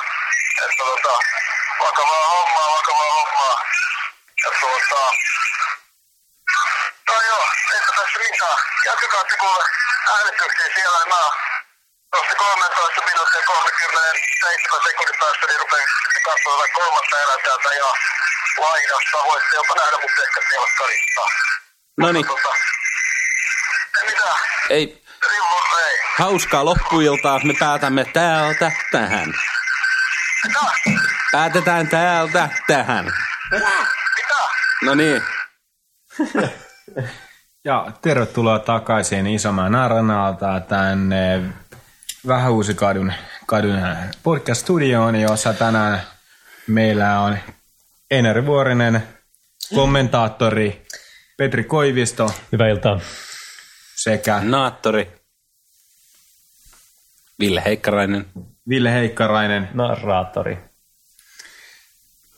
Heikkarainen siis. Eli No ei, korpo- sit- korporaation sitä- tota, Sami soitti ja antoi seitsemän pistettä Topkanille. Mm-hmm. Ja nyt on mun vuoro antaa mm-hmm. pisteet. Mitä sitä turhaa Vähän niin- selittää? liikaa lätkää ollut tässä lähetyksessä. Vai liian vähän? Pärä ping, pärä bang. Tää on Päätät. Elikäs, tota, joo, kyllä tota, mä en ollut pitkään aikaan nähnyt tätä leffaa. Ja Tosiaan mä katsoin sen tänään ja mähän yllätyin, että miten se oli kestänyt aikaa ja se oli vieläkin ihan hy- hyvä leffa. Et ei, mm. Siinä ei mitään. Ja semmoinen ruskea sävy toimii aina. Ja, mutta täydellisestä elokuvasta nyt ei puhuta. Niin Miksi ei? koska on monia parempia elokuvia. Tota, mä annan tällä viisi ja puoli. Eli mitä meille tulee No, yhteeksi? meillä on nyt tällä hetkellä yhteenlaskettu pisteet kaksi, kolme ja puoli, ja se jaetaan jaetaan neljälle. neljällä. Tämä elokuva saa tulokseksi 5,87, joka pyöristää 5,9, joka pyöristää kuuteen. Joka pyöristään vielä ylemmäs, jos halutaan pyöristää. Ei, ei viitti enää kuudesta. pyöristää. kymmeneen asti. Eli Top Gun sai kuusi kautta seitsemän Eli 5.875 kautta 7. Joo, todella hyvä. Kannattaa katsoa, jos on nähnyt, kannattaa katsoa uudestaan, jos ei ole nähnyt sitä suuremmalla syyllä. Kannattaa katsoa 3Dnä ekaa kertaa, kun katsoo, niin ei. Hei, tuosta 3Dstä tuli mieleen sellainen kysymys, että tota, siinä kun sä katsoit 3Dnä sitä, mm. ja tota, Istuu sohvalla. istuit sohvalla, tökäs oli puoliksi tuossa Käsihousuissa. niin kuin käsihousuissa, niin siinä kun Tomppa väänsi sitä niin kuin jetin, tiedät sä, tikkumaista ohjainta, mm. niin, niin samaan aikaan, jos sä köyräsit kulliin, niin tuntuuko se siltä, että Tomppa tarttui sun munaan? Ei se tuntu siltä, että sohva lähtee ylöspäin. Okei. Okay. Tuo on hyvin mielenkiintoista, hyvin Joo, mielenkiintoista. tuu meillä katsomaan sitten 3 d satkuvia saman. Joten kaikki, kaikki on kutsuttu nyt Einarin luo, luo Katsomaan Top Gunia 3Dnä. ja köyrimään itseään. Mutta mennään Mä en nyt sano pienelle sitä, mutta- tauolle ja kuunnellaan tähän Miksi väliin, joo? väliin jotain, jotain limputusta. Losointuja. Sulosointuja. Ei laitet Volvon musiikki tähän. Mene teostot. Saatana. Mutta tota, tullaan hetken päästä takaisin. Käykää teki jääkaapilla. Hyvä kiekkokansa! Tervetuloa podcastiin mukaan myös ensi kerralla, jossa vastakkain asettuu kaksi liikan kovamaineisinta lätkäelokuvaa. Anaheimin helteistä kuumana käyvä Mighty Duck mestarit ottaa vastansa Kurt Rusu Russelin tähdittämän Miracle-elokuvan. Tule jännittämään tuhtipuhti makkara areenalle tätä vuosisatojen legendaarista taistoa. Heipä hei, me tullaan takaisin tauolta ja te olette jatkanut yhtäjaksoisesti tai painanut paussia jossain kohtaa ehkä useammankin kerran. Mutta todellakin, todellakin ukkosta radalla. Niin se ukkonen sanoi, jos on radalla. No.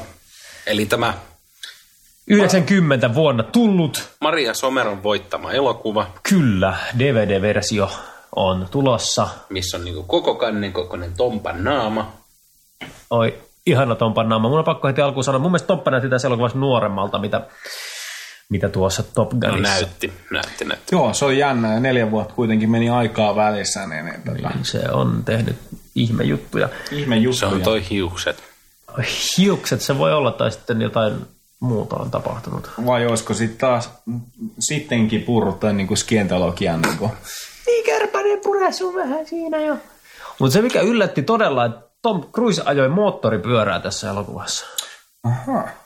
Se oli kyllä niin kuin erittäin jännä, jännä vaalinta. Tom Cruise on myös ajanut Mission Impossible 2. moottoripyörän.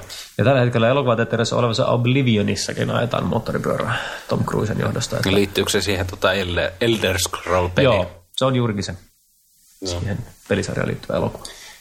Se, mä, mä epäilen, että ri- niin kuin, tota, liittyy, liittyy nyt jotenkin siihen, että tota, toi, toi, kun näitä näitä kästi, castingin hahmoilla, anteeksi, casting, casting henkilöillä, niin siinä CVssä lukee, että osa, osa tota, ajaa moottoripyörää. Osa niin sitä- kainalopierun. kainalopierron, niin se näyttäisi sen, jos Tomppa osaa, mutta niin kaikki on pakko käyttää, ja aina, aina istuttaa se, istuttaa se tuohon tota, moottoripyörän selkään, koska silloin ei tarvitsisi tuntia maksaa. Siis mä itse asiassa tänään, tota, tai niin kuin tuli tänään mieleen, että se olisi hauskaa, että jos näyttelijöiden pitäisi osata niin kuin oikeasti kaikki, mitä ne tekee leffoissa. Eikö ne osaa? Niin, mutta se olisi oikeasti ihan sika hauska sillä, että, että nyt mietimme, jos moniosaajinen olisi. No, niin, ei voi vaatia. Mutta Tomppa tekee aika paljon omia stuntteja ainakin nykyään. Vähän niin kuin Jackie Chan. Nyt tehnyt pitkä aikaa vissinkin, niin että se on ehkä silleen, en mä tiedä, onko se sitten moniosaamista, mutta ainakin jonkunnäköistä kylmäpäisyyttä myös sen lisäksi, että Mietitkö, tykkää kun osaa ajaa näytellä. moottoripyörällä, jos osaa ajaa hävittää lentokoneella ja Niin, niin, osaa niin. niin. olla ammattivakoja. Ja... niin osaa ajaa NASCARin ammatikseen ja Tosta muuten päästäänkin tähän elokuvaan. NASCAR. hienosti Siis- muuten menit sillä aasinsiltaan Niin. pitkin muuten. Ei, ei, ei, ei, ei, ei, ei, ei. Jenkeissä, Jenkeissä tota, on paljonkin tuollaisia lajeja. Kun se, onko se indikaari vai mikä se on? Se, Niin kuin ajetaan ympyrää vai? Ajetaan poliisi, mikä se ovalirata, on? vaan ihan sikana. Ja toi siis, mä en tiedä, en ole koskaan ollut ajamassa 300 ovalilla radalla, mutta siis Vielä. tuntuu, tuntuu vaan siltä, että se, se, se ei ole niinku kauhean haastavaa verrattuna johon niinku formulaan, missä mis kuitenkin ne vauhdit on tosi korkeita. Ja sitten mennään sellaisen tyyli U-mutkaan 180 oikealla taitetaan. Niin, niin, mä, en- mä, en- en mä tiedä, niinku, mä en ole koskaan osannut arvostaa niin, niinku naskaria. Niin, niin, no se vähän, vähän vastaava varmaan kuin joku showpaini tai, tai monster truck meininki, että Tai Niitä kaikkia jenki, taitoluistelu. jenki-juttuja ei vaan voi välttämättä ymmärtää niin helposti. Tai taitoluistelu kyllä, tai Mutta sitten... toisaalta onhan niinku johonkin raviin niin tota, verrattavissa toi homma. No joo, joo. Et Suomessa löytyy vastikkeita kuitenkin. Mm. Ponin ratsastus. Poni ratsastus. My Little Tie- Pony. Tiedättekö te, että keräily. ponit ei ole pieniä hevosia? Ei, ni- ne on minikokoisia hevosia. Ei ole. Ne on Aasian pentuja. Ei, hei, hei, oikeesti niinku, niitä ei vaan niinku, miksikään kääpiöhevosiksi sanota. Ne on lyhyt kasvu hevosia. niinku, jonkun näköistä, siis tässä on niin paljon nyt tullut kaiken näköistä homofobista ja sekä niinku, nekrofiilistä läppää, että no, nyt ei niinku, nyt ei lainkaan lähetää radalle, että olettaisiin niinku Tänään ei lähdetä radalle vai? No ei Tänä- todellakaan. niin, tota, ei, aleta, ei aleta nyt lainkaan, lainkaan niinku käymään tällaista keskustelua. Minun mielestäni oli todella virkistävää nähdä tämä The Walking Dead-sarjastakin tuttu Merle Dixon Niin. tässä. Joo, mä sitä Elokuvassa. tuossa Ville sanoinkin, että mulla meni taas vähän turhan kova elokuvasta, kun mä mietin, että missä mä oon nähnyt ton kaverin ennen. on niin tutun näköinen mies? Mut se ei ollut yhtään niin tota juntin näköinen. Kuin se, Eikö niin tota, vanhan näköinen? Eikä juntin näköinen. Ja Eikä kaikki niin miettii vanhan sillä lailla, näköinen. että hei, Missä on ne miksi sillä zombit? on vielä toinen käsi? Siihen niinku kaskesi Spoiler. ensimmäisen. Tai vielä pahempi spoiler, miksi on vielä elossa? Mitä? Anteeksi kaikille. Ja miksi ei ole herännyt uudestaan henki ja kuollut taas? Spoiler! Niin. miksi siinä ei ole nuolereikää? Ja Mä en No sä miksi? muista, kuoliko se nuolesta vai pu- hakkasko se puukolla sen, mutta... Bang, Taisi- chaka, wow, Se taisi wow. hakata sen broidisen niin kuin puukolla. Ei, Mä itse asiassa Walking tossa- Deadin- Mä en- mä en Onko se muista, nelonen? mutta siis Kolmas- kolmas kausi. Kolmas kauden, mutta mä en muista itse asiassa, että oliko se viime viikolla vai sitä edes viikolla, kun mä viimeinkin pääsin sen kolmas kauden loppuun. Hyvä, että pääsit, olisi tullut paha spoileri nyt. Spoiler! Spoiler, me ei ikinä spoilata mitään. Mm. Onneksi. Valtaistun peli on vielä vähän kesken toisessa kaudessa, anteeksi. Mutta joo, siis, mut siis oli hyvä sarja sekin. Valtaistun peli. Joo, just se. Ei vaan tuo Walking Deadin kolmas seasoni oli Mm. parempi, mitä toinen seasoni. Olisi parempi, mutta ei se vieläkään, se loppukohden taas meni niin vitun.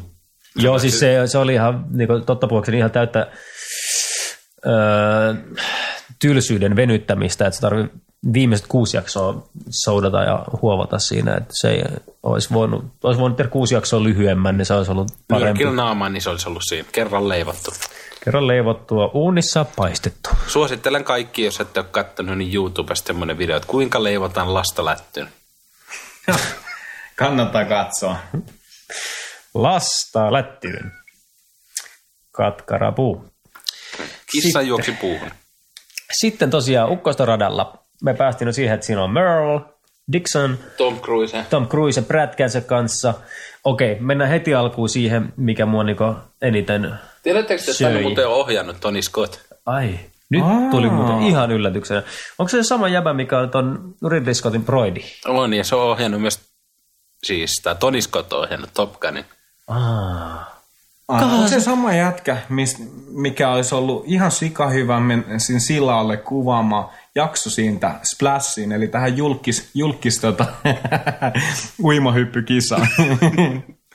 Niin, ja sen jälkeen Sama niinku ehkä niinku osallistu kuviokellontakilpailuihin. ai, ai, ai. Johan on ilkeä. Rest in peace. Sinne Eli... niin. Joo, sama jätkä. Tosi Eli yllättävää. rip in, eikö? Niin, rip my movies. Tota, pff, yllättävä yhteensattuma muuten. Mitä, mitä? Tiedätkö, mitä yhteistä on nyt Toni Scottilla ja Aki Sirkesalolla? Julmaa, mutta totta. Älä kerro, kerro jo. Ne molemmat vei koko käden. Mä juon nyt vähän okei. vettä.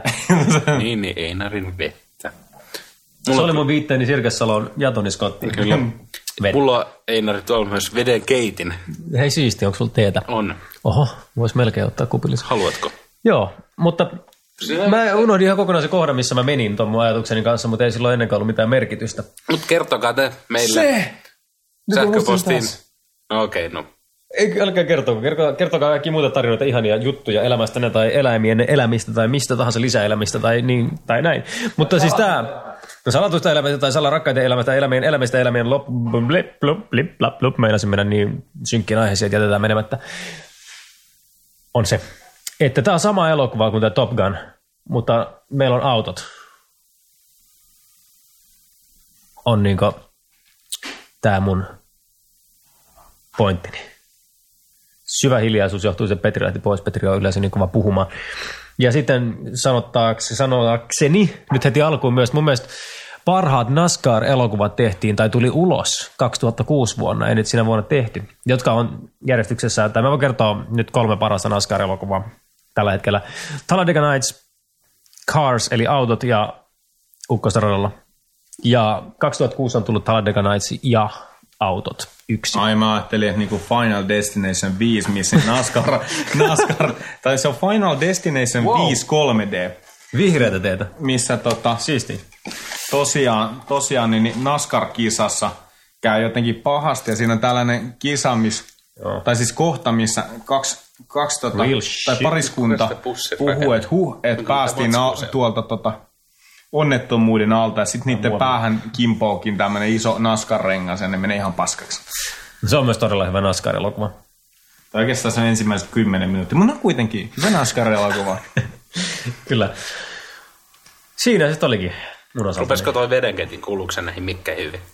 No kyllä se vähän se on, mutta hörsä. Mutta kuitenkin tota, Se on vähän Joo, vastaava, kun joo, nelosjaksossa oli se nuotio. Siis, siis sanotaan, sanotaan, joo, että joo, sanotaan, Joo, et jaa. Sano kuudestaan vielä. Joo. ehkä siis hyvin samanlaisia elementtejä tässä oli. On. Äh, tota, nimenomaan tässä, että kisaillaan, kisaillaan sitten, että kuka on parempi ja mm. sitten se loppujen lopuksi Sitten on vähän semmoinen altavastaaja tyyppi. alta vastaava. Sitten on vähän sitten on semmoinen tää niinku- pelottaminen rattiin ja Joo, ja sitten on tämä mm. tää henkilö, henkilö tämä Tom Cruise, mikä, mikä sitten taas, taas tota, tavallaan kisailee myös itsensä kanssa tässä koko ajan. Mm. Että tota, sekä on niinku tämmöinen nimenomaan maverikki, Lonely Wolf, tämmöinen, ketä ei osaa ottaa ohjeista niinku, sitä, tai näin sanotusti, ei ota oppia, ei ota oppia. tappara. Onko näin? Itsepäinen susi yksi. Kolme, kaksi. Siis korjan ässät. Kolme, kaksi. Aa, No mutta hyvä, se on tappara kannattaa, jos tappara kannattaa.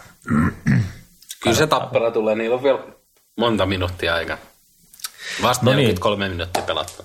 Eli samanlaisuuksia on. Ja paljon. Vi- ruskea taivas. Mennä sanon vihreä. Mulla on näiden värien kanssa joku ongelma.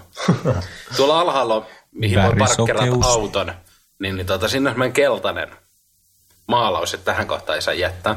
Mä oon niin joskus yeah. luetellut kaikki muut värit, paitsi keltaisen, vaikka mä koko ajan ajattelin niin keltaista. riviä. Hain kupposen vettä. Kuumaa vettä. Mutta tosiaan, sitähän me käsiteltiin tosiaan, että tässä on tosi paljon, paljon tällaisia näyttelijöitä, mikä on vanhoissa elokuvissa hauska, kun ne löytää niin uudestaan. Wow! Oli myös tämä tota, John C. Riley, mikä tota, on tämä koomikko. Koomikko, niin tulee, tota, äh, mikä oli vähän hölmömpi, hölmömpi äh, toi, tämän kisatali, olisikohan teknikko ollut? En mä tiedä, mutta tota, ketä, ke- kenen faija on kuollut kanssa Naskarissa ja toi pyöri tässä elokuvan, elokuvassa. Eikö, se- eikö se ollut sen... Ai siis tämä jätkä. Joo, täällä siis näytetään John C. Mutta eikö se Rileyn ollut kuva. kuollut myös sen tota, Tom Cruisen? Eikö se oli kuollut tuossa tota, Top Gunissa? Close enough. Close enough. Mutta tosiaan, ja se oli, se oli hauska nähdä, nähdä siinä. Se oli tosi nuoren näköinen. Oli, siinä oli elokuvassa. kyllä, joo. Missä se oli näytellyt se päämekanikko tai se, kenet ne halusi rakentamaan se auto? Sekin on näytellyt varmaan tosi... Tosi monessa niin, niin ja- elokuvassa. Mä- Mä en sano yhtään niin nimeä päähän, että mikä leffa olisi ollut semmoinen. Niin, mä käyn, sanotaan näin, kun se on esim. tuohon toi We Own the Night elokuva, se oli, ää, pff, mikä viimeksi tuli katsottua tuossa, kun tuli televisiossa, se on tosi monessa yleensä jotain poliisipäällikköä tai tämmöistä tosi iso pamppu pyörittää, että tota, ei tullut nyt suora, suoraan mieleen, että kuka, kuka tota, tai missä elokuvassa suuremmin, mutta sitten tota, Mä sanoisin, tai Nicole Kidman on sellainen tota, hauska, hauska, mikä ei ollut niinku, se kauhean, kauheasti ei ollut vanhentunut. Et se oli siinä nuori, niin se nyt kun katsoo uusia elokuvia, niin ei ollut niin paljon tota, sanotaan näin, näin et, vai olisiko siinä niin, vaan niin paljon Maybelliniin vedetty naamaa, et, Ja varmaan Mut vähän toi- jotain nips-naps touhujakin näin. No, mm, Mutta varmaankin. tota, mietittekö te sitä, että eikö Nicole Kidman ollut samassa Batmanissa Val Kilmerin kanssa? Mikä oli taas Top Gunissa. Yhdessä yhtäläiseksi Joo, ruvetaan hakemaan. ei, Joo, ei, joo, tää on- tää on- tää on niin hakuaamun taas. Ei, mun mielestä niinku, jos on Batman-elokuva, missä on Val Kilmer ja, Ja Niin ne Nicolas- molemmat asuu Jenkeissä. Niin, Boom! What? niin, Molemmat on ihmisi, valkoihosi. Boom! Salaliittoteoria. 911 oli sa- Jenkkien tekemä sota. No niin, se oli. Niin, Se oli sota. No, kyllä ne se sodan käynnisti ja, ja näin. Mutta niin kuin Pohjois-Korea niin ei saa mitään aikaiseksi. niin, niin ne on sillä niin kuin, onko se mitään arvokasta?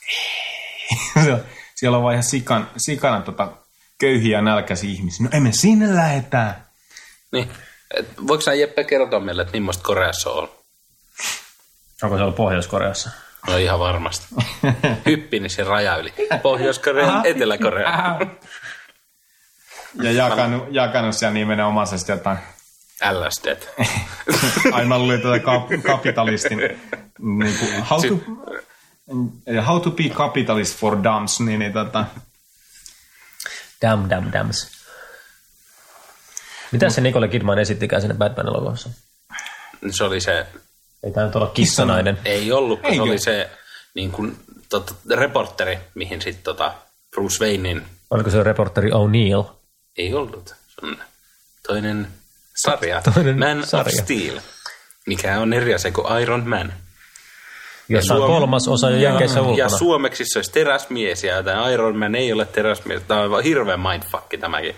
Kyllä, mieli vaan niinku paneskelee, eikä niinku pysty oikeastaan mitään muuta tekemään kuin ottamaan vastaan. Mitä siitä sitten tulee? Hankala olotila. Mutta mun mielestä toi oli tossa, missä toi Jack Nicholson oli jokeri. Niin mm, mm. Siinä oli mun mielestä Val Kilmer ja Nicole Kidman. nyt en tarkkaan muista. Äkkiähän se tarkistaa. Meillähän Jatka, on siis... Jatkakaa puhumista. Mulla olisi se leffakin tuolla hyllyssä, mutta en mä jaksa nostaa mun persettäni tästä. Mä menen IMDb. paljon nopeampaa kuin perseen ylös nostaminen penkistä. Joo, toi on siis... Tosiaan, mutta mua häiritsi siinä kohtauksessa, kun ne pysäytti tämän, tämän tota... No, mikä mahtoi olla Tom Cruisen roolihenkilön nimi? Simo Frangen. Simo Frangen. Niin, niin tota, Maverick Simo Frangen. Toi. Sinä sinä susi Simo siis Frangen. Kyllä. Niin, Pysäytti, pysäytti totta, tuossa Nakkila on paras Nakkilan, suomalainen. Nakkilan routilla. Ja tota, Nakkila kirkon vaiheella. niin, niin, siinä tuli tämä tää kohtaus, missä siellä olikin sitten tämä niinku, ilmoisesti tämmöinen niinku, escort, escort nainen, ja nyt ei puhuta Fordista. Ah, Niin, Harrisonista siis ei puhuta. Siis haluatteko te kuulla Niin, tuota? niin, mut ei, ei, katso, Kerro tämäkin- Savilla loppuun. niin, niin. Sitten kun se köyrii tämän etumusta, siinä oli ihan jumalaton slaikka. Se oli tyyli johonkin polveen asti sillä hei, vähän pienempää sukkaa olisi voinut pistää. Eikö hei, lyödäisin paloletku saatana. Ei, siis oikeesti. Nyt mentiin vähän liian pitkälle. Mutta tota, tässä tota, 8-9 vuoden Batmanissa, niin Batmania on näytellyt Michael Keaton ja sitä toimittaja ollut Kim Basinger. Että close enough. Oh, you're hurting me. Ai, ai nyt Mut sattuu. Katsotaan, jos se olisi ollut vaikka, Jos se olisi ollut jossain vaikka elokuvassa. se- seuraavassa Batmanissa. No niin, hyvä. Joku Batman löydetään Ei. ei. jostain, jos on joku ollut joskus. Mä tiedän ainakin, että Anna Hathaway oli muuten tuossa yhdessä Batmanissa. Mm-hmm. Ahaa, mitä hän esitti? Ja oliko hän seksistinen? siis, no, mä hänen seksistisyydestään, mutta hänen roolihenkilö esitettiin niin liian Oi, oi. seksistisesti, niin ei, ei mielestäni. Ja hän esitti kissanaista. 95, Batman Forever. Ja sitten myös hienosti herkkää naista ja sitten samalla vahvaa. Että se oli Eli- Eli... tosi värikäs ja hieno, hieno kyllä näyttelijätyö Eli hänellä. Eli... Batman Forever vuonna 95. Val Kilmer- Kilmer on ollut Batman ja Nicole Kidman on Dr. Chase Meridian. Dr. Chase My Ass. Eli- kukas, mut- kukas Jim Carrey on?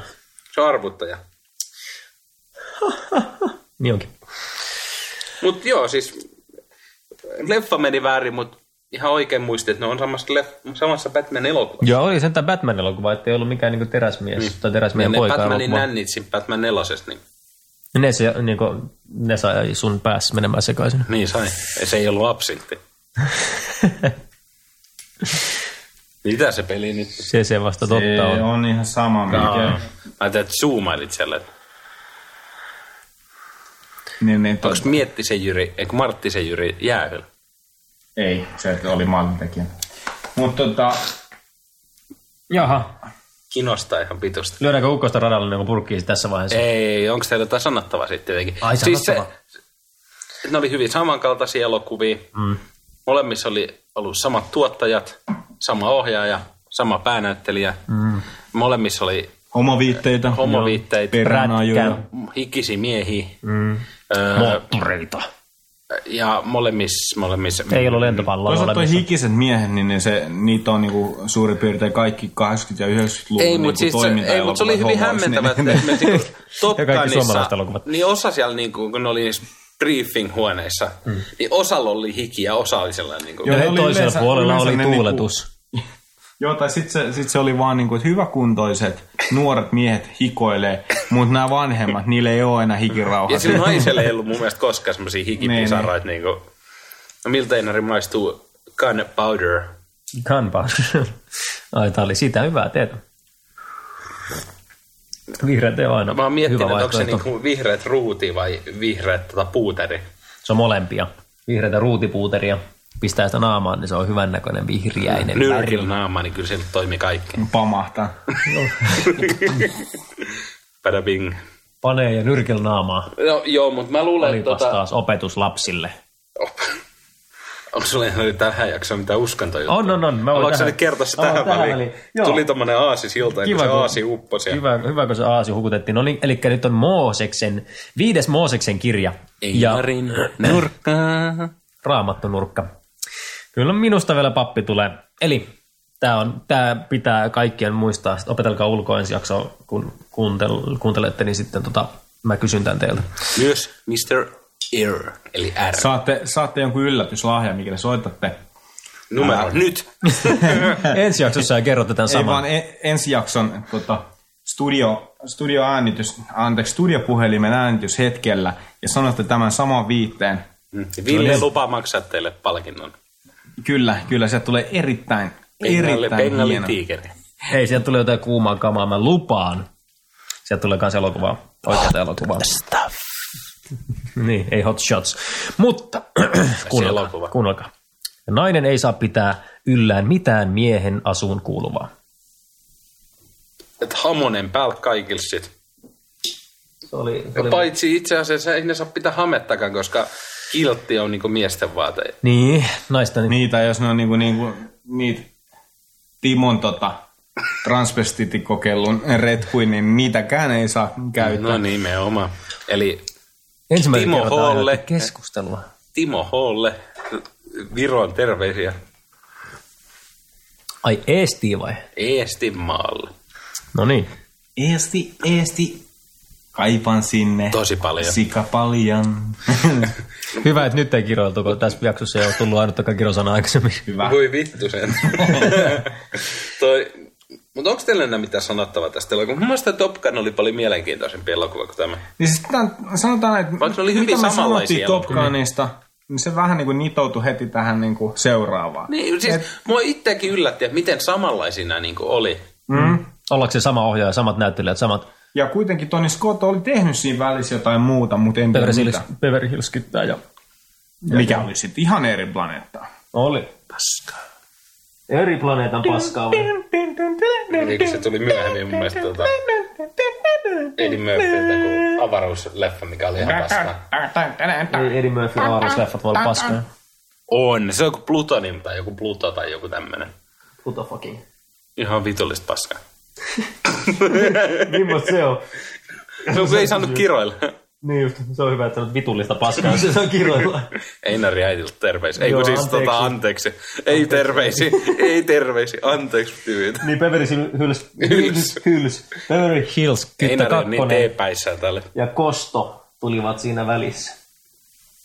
Ennen tätä uppoa. No niin, mutta ruvetaanko me... Miksi tämä ehdottaa koko ajan mun, kun mä käyn sen tota taskulasken, että haluatko ostaa taskulampu plus-ohjelman? Totta vitus. No haluatko? No, Ei se ole tyhmä, ketä kysyy. tyhmä kuka vittu haluan. maksaa. Anteeksi. Mm. Käyttää taskulamppua samaan aikaan, kun mä lasken. Mun naama alaskin, Miettikö? Älkää, älkää miettikö. alasten.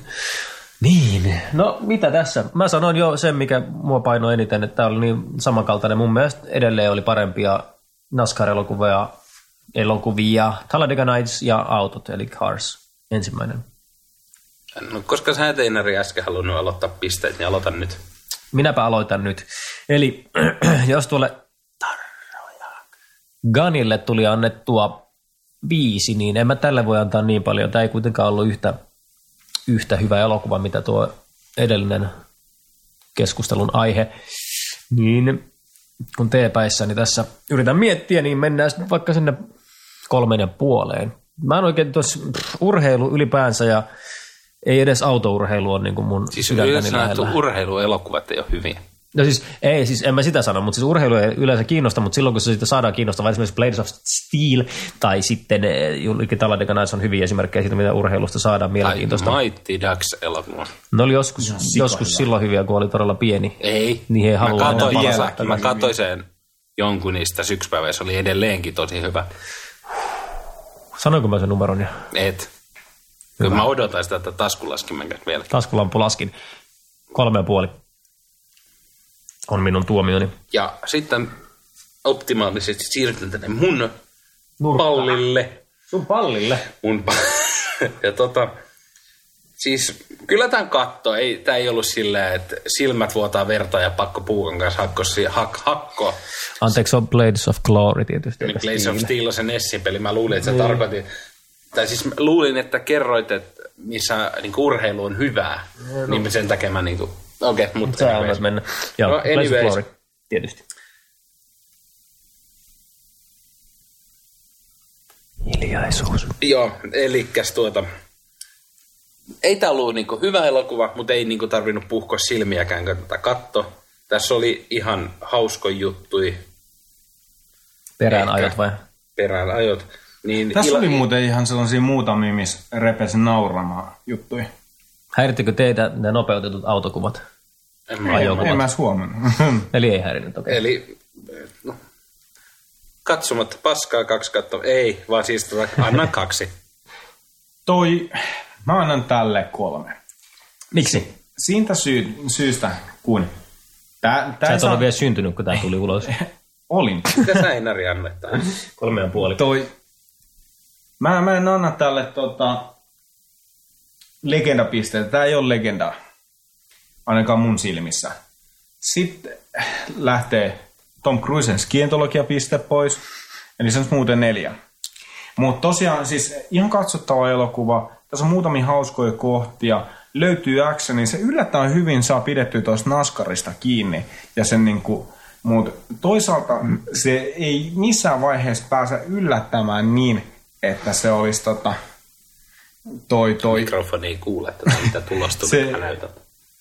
se ei, ei missään vaiheessa pääsi yllättämään niin hyvin, että sillä pystyisi antamaan tarinasta tai muusta niin kuin lisäpisteitä. Hyvänäköinen elokuva. Hans Zimmer hyvät soundtrackit tehnyt. Ja, mutta tota, se ei pelasta kuitenkaan tätä tributtia Top Gunista. Eli yhteispisteet oli 2.833333333, eli 2.1, ei itse asiassa pyöristää se 2.9, vaan se on 2.8 ja se pyöristää kolmeen. Joka pyöristyy kuuteen, joka taas ylöspäin kahteentoista Ei, ja... eli kolme. Ai, okei. Okay. No mutta siis tästä on selvästikin... Helppo havaita, että jos haluatte katsoa jommankumman Tony Scott ja Tom Cruise-elokuvan, kannattaa katsoa tietysti vaihdelpäin ja hulepää. niin Sama suomeksi on, kannattaa katsoa suomeksi. Puhuttu versio Top Gunista. Ja kuka ei halua 2013 vuoden Evil Dead katsoa? Miksei halua? Kyllä mä vähän kiinnostaa. Ei kylläkin. ei kiinnosta. Mutta hei, tästä, tota, Ei tällä kiinnosta. ke- Ei kiinnosta. Tästä, tästä tota, tällä kertaa me ei päästykään mun tähän julkiskorneriin. Päästään. Mä olin tulossa siihen. Petri oli tulossa Villen corneriin. Kyllä. Dillen julkiskorneri. Koska viime kerralla Villen julkiskorneri sai hyvän alun, koska Arttu Harkki ja äh, Kiitos, Sami sanoi, että Marvel tosi paljon käyttää tämän internetjuttuja, että jotain koska ja sitten niinku suora selitys sen perään.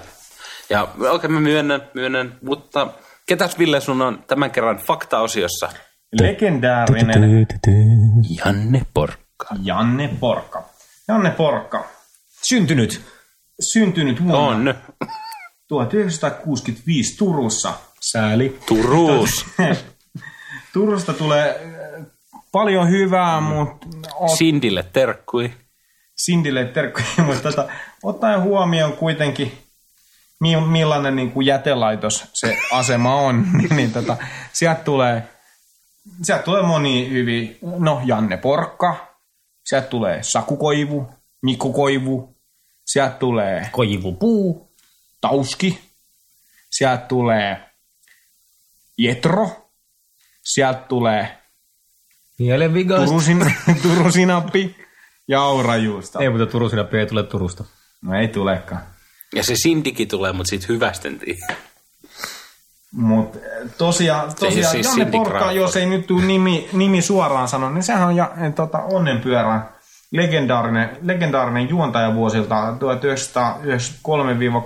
Mä en muista, että se niin pitkään pyöri. On Mä en- Mm, mä en huomannut, että se on loppunut missään vaiheessa. niin. Ja kauniit ja rohkeat ja Ritken kuolemanjaksokin tuli jo Suomessa. Ai ai ai. Mitä se liittyy Janne Porkkaan? Ei mitenkään. Ah. Ville vaan yksi päivä väitti mulle, että no se tulee Suomessa joskus puolen vuoden päästä. Ai ai ai. No, Siis tota, tota mä en tiedä. mut Tällaisia muutamia hauskoja. Sen isompia faktoja tällä kertaa ei päästy valitettavasti. Tota toi. Nimen ja syntymä niin kuin kaupungin kerroit vai? Niin. no, no. Ei, me ei huonompi. No Ei, ei ole monta viikkoa ollut aika hakea niitä faktaimista. No, no onhan tätä taustatyöt tehty. Mä kävinkin jopa Wikipediassa. Mutta tota, Lähteessä. no okei, okei. Tota, Anteeksi. okei, mä en löytänyt mitään hyviä faktoja. Janne Porkka, onnen pyörästä. Mutta tota, tosiaan, ensi kerralla, ensi kerralla tota, Ei, ei, ei, ei, ei, ei. Ensi Ville- kerralla heittäräinen Ei, yritti ei, sanoa, ei, että ei, sillä on, ei, ei, ei, ei, sä, ei, ei, Ville, ei, ei, että sillä on parempi, kuunnellut Mm. yhtä meidän jaksoa. parempi mies. Joka jakso on Henkilö. loppunut siihen, että jokainen on kertonut jotain Nurkasta viimeisiä Petri odottaa, mietteitä. katsos nyt omaa nurkkaansa tässä. Ja... Ei, ei mulla on mitään se suurempaa nurkkaa Sin, tänään. sinulla oli viimeksikin nurkka. No niin oli, mutta minä en pidä minun nurkistani. Ville, mitäs viimeisiä mietteitä? äh, ässät näköjään voitti. Voitti. Oliko, oliko siinä sun mietteet? Siinä oli. Einari? Ei kai nyt niinkään, no niin kuin kiinnostaisi. Toisinpäin no. kävi 3-2 veikkaus. Niin tässä nyt kovasti tätä uho sitten alussa, että tappara vie ja nyt näyttää vähän toiselta. Se ei ole silti mun viimeinen miete, vaikka se just mun päähän niin pulkahtikin. Viimeinen miete on se, että jotkut elokuvat kestää aikaa paremmin kuin toiset ja toiset elokuvat kestää aikaa huonommin kuin toiset. Joo. Ja mä sanoin, että tänään oli tosiaan 24.4.2013, oli podcastin 14. jakso, Ensimmäinen arvonta suoritettiin tässä jaksossa ja onnea voittajalle. joka on... Ukkosta radalla DVDn ihana uusi omistaja on Maria Somero. Jakso numero yhdeksän on parasta.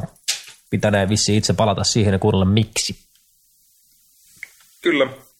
Mitäs me lopetettaisiin tänään? Niin No meihin ainakin saa yhteyttä. Meidät löytää Facebookista, facebook.com kautta VK Podcast. Twitteristä korporaat... Äh, blä, blä. Twitter.com kautta korporaatio fi. Meidän studionumero on 040 444 7179. Ensi jaksossa kannattaa soittaa, koska sitten voittaa. jos muistaa tämän kyseisen lausahduksen Kyllä raamatusta, Mooseksen viidennestä kirjasta.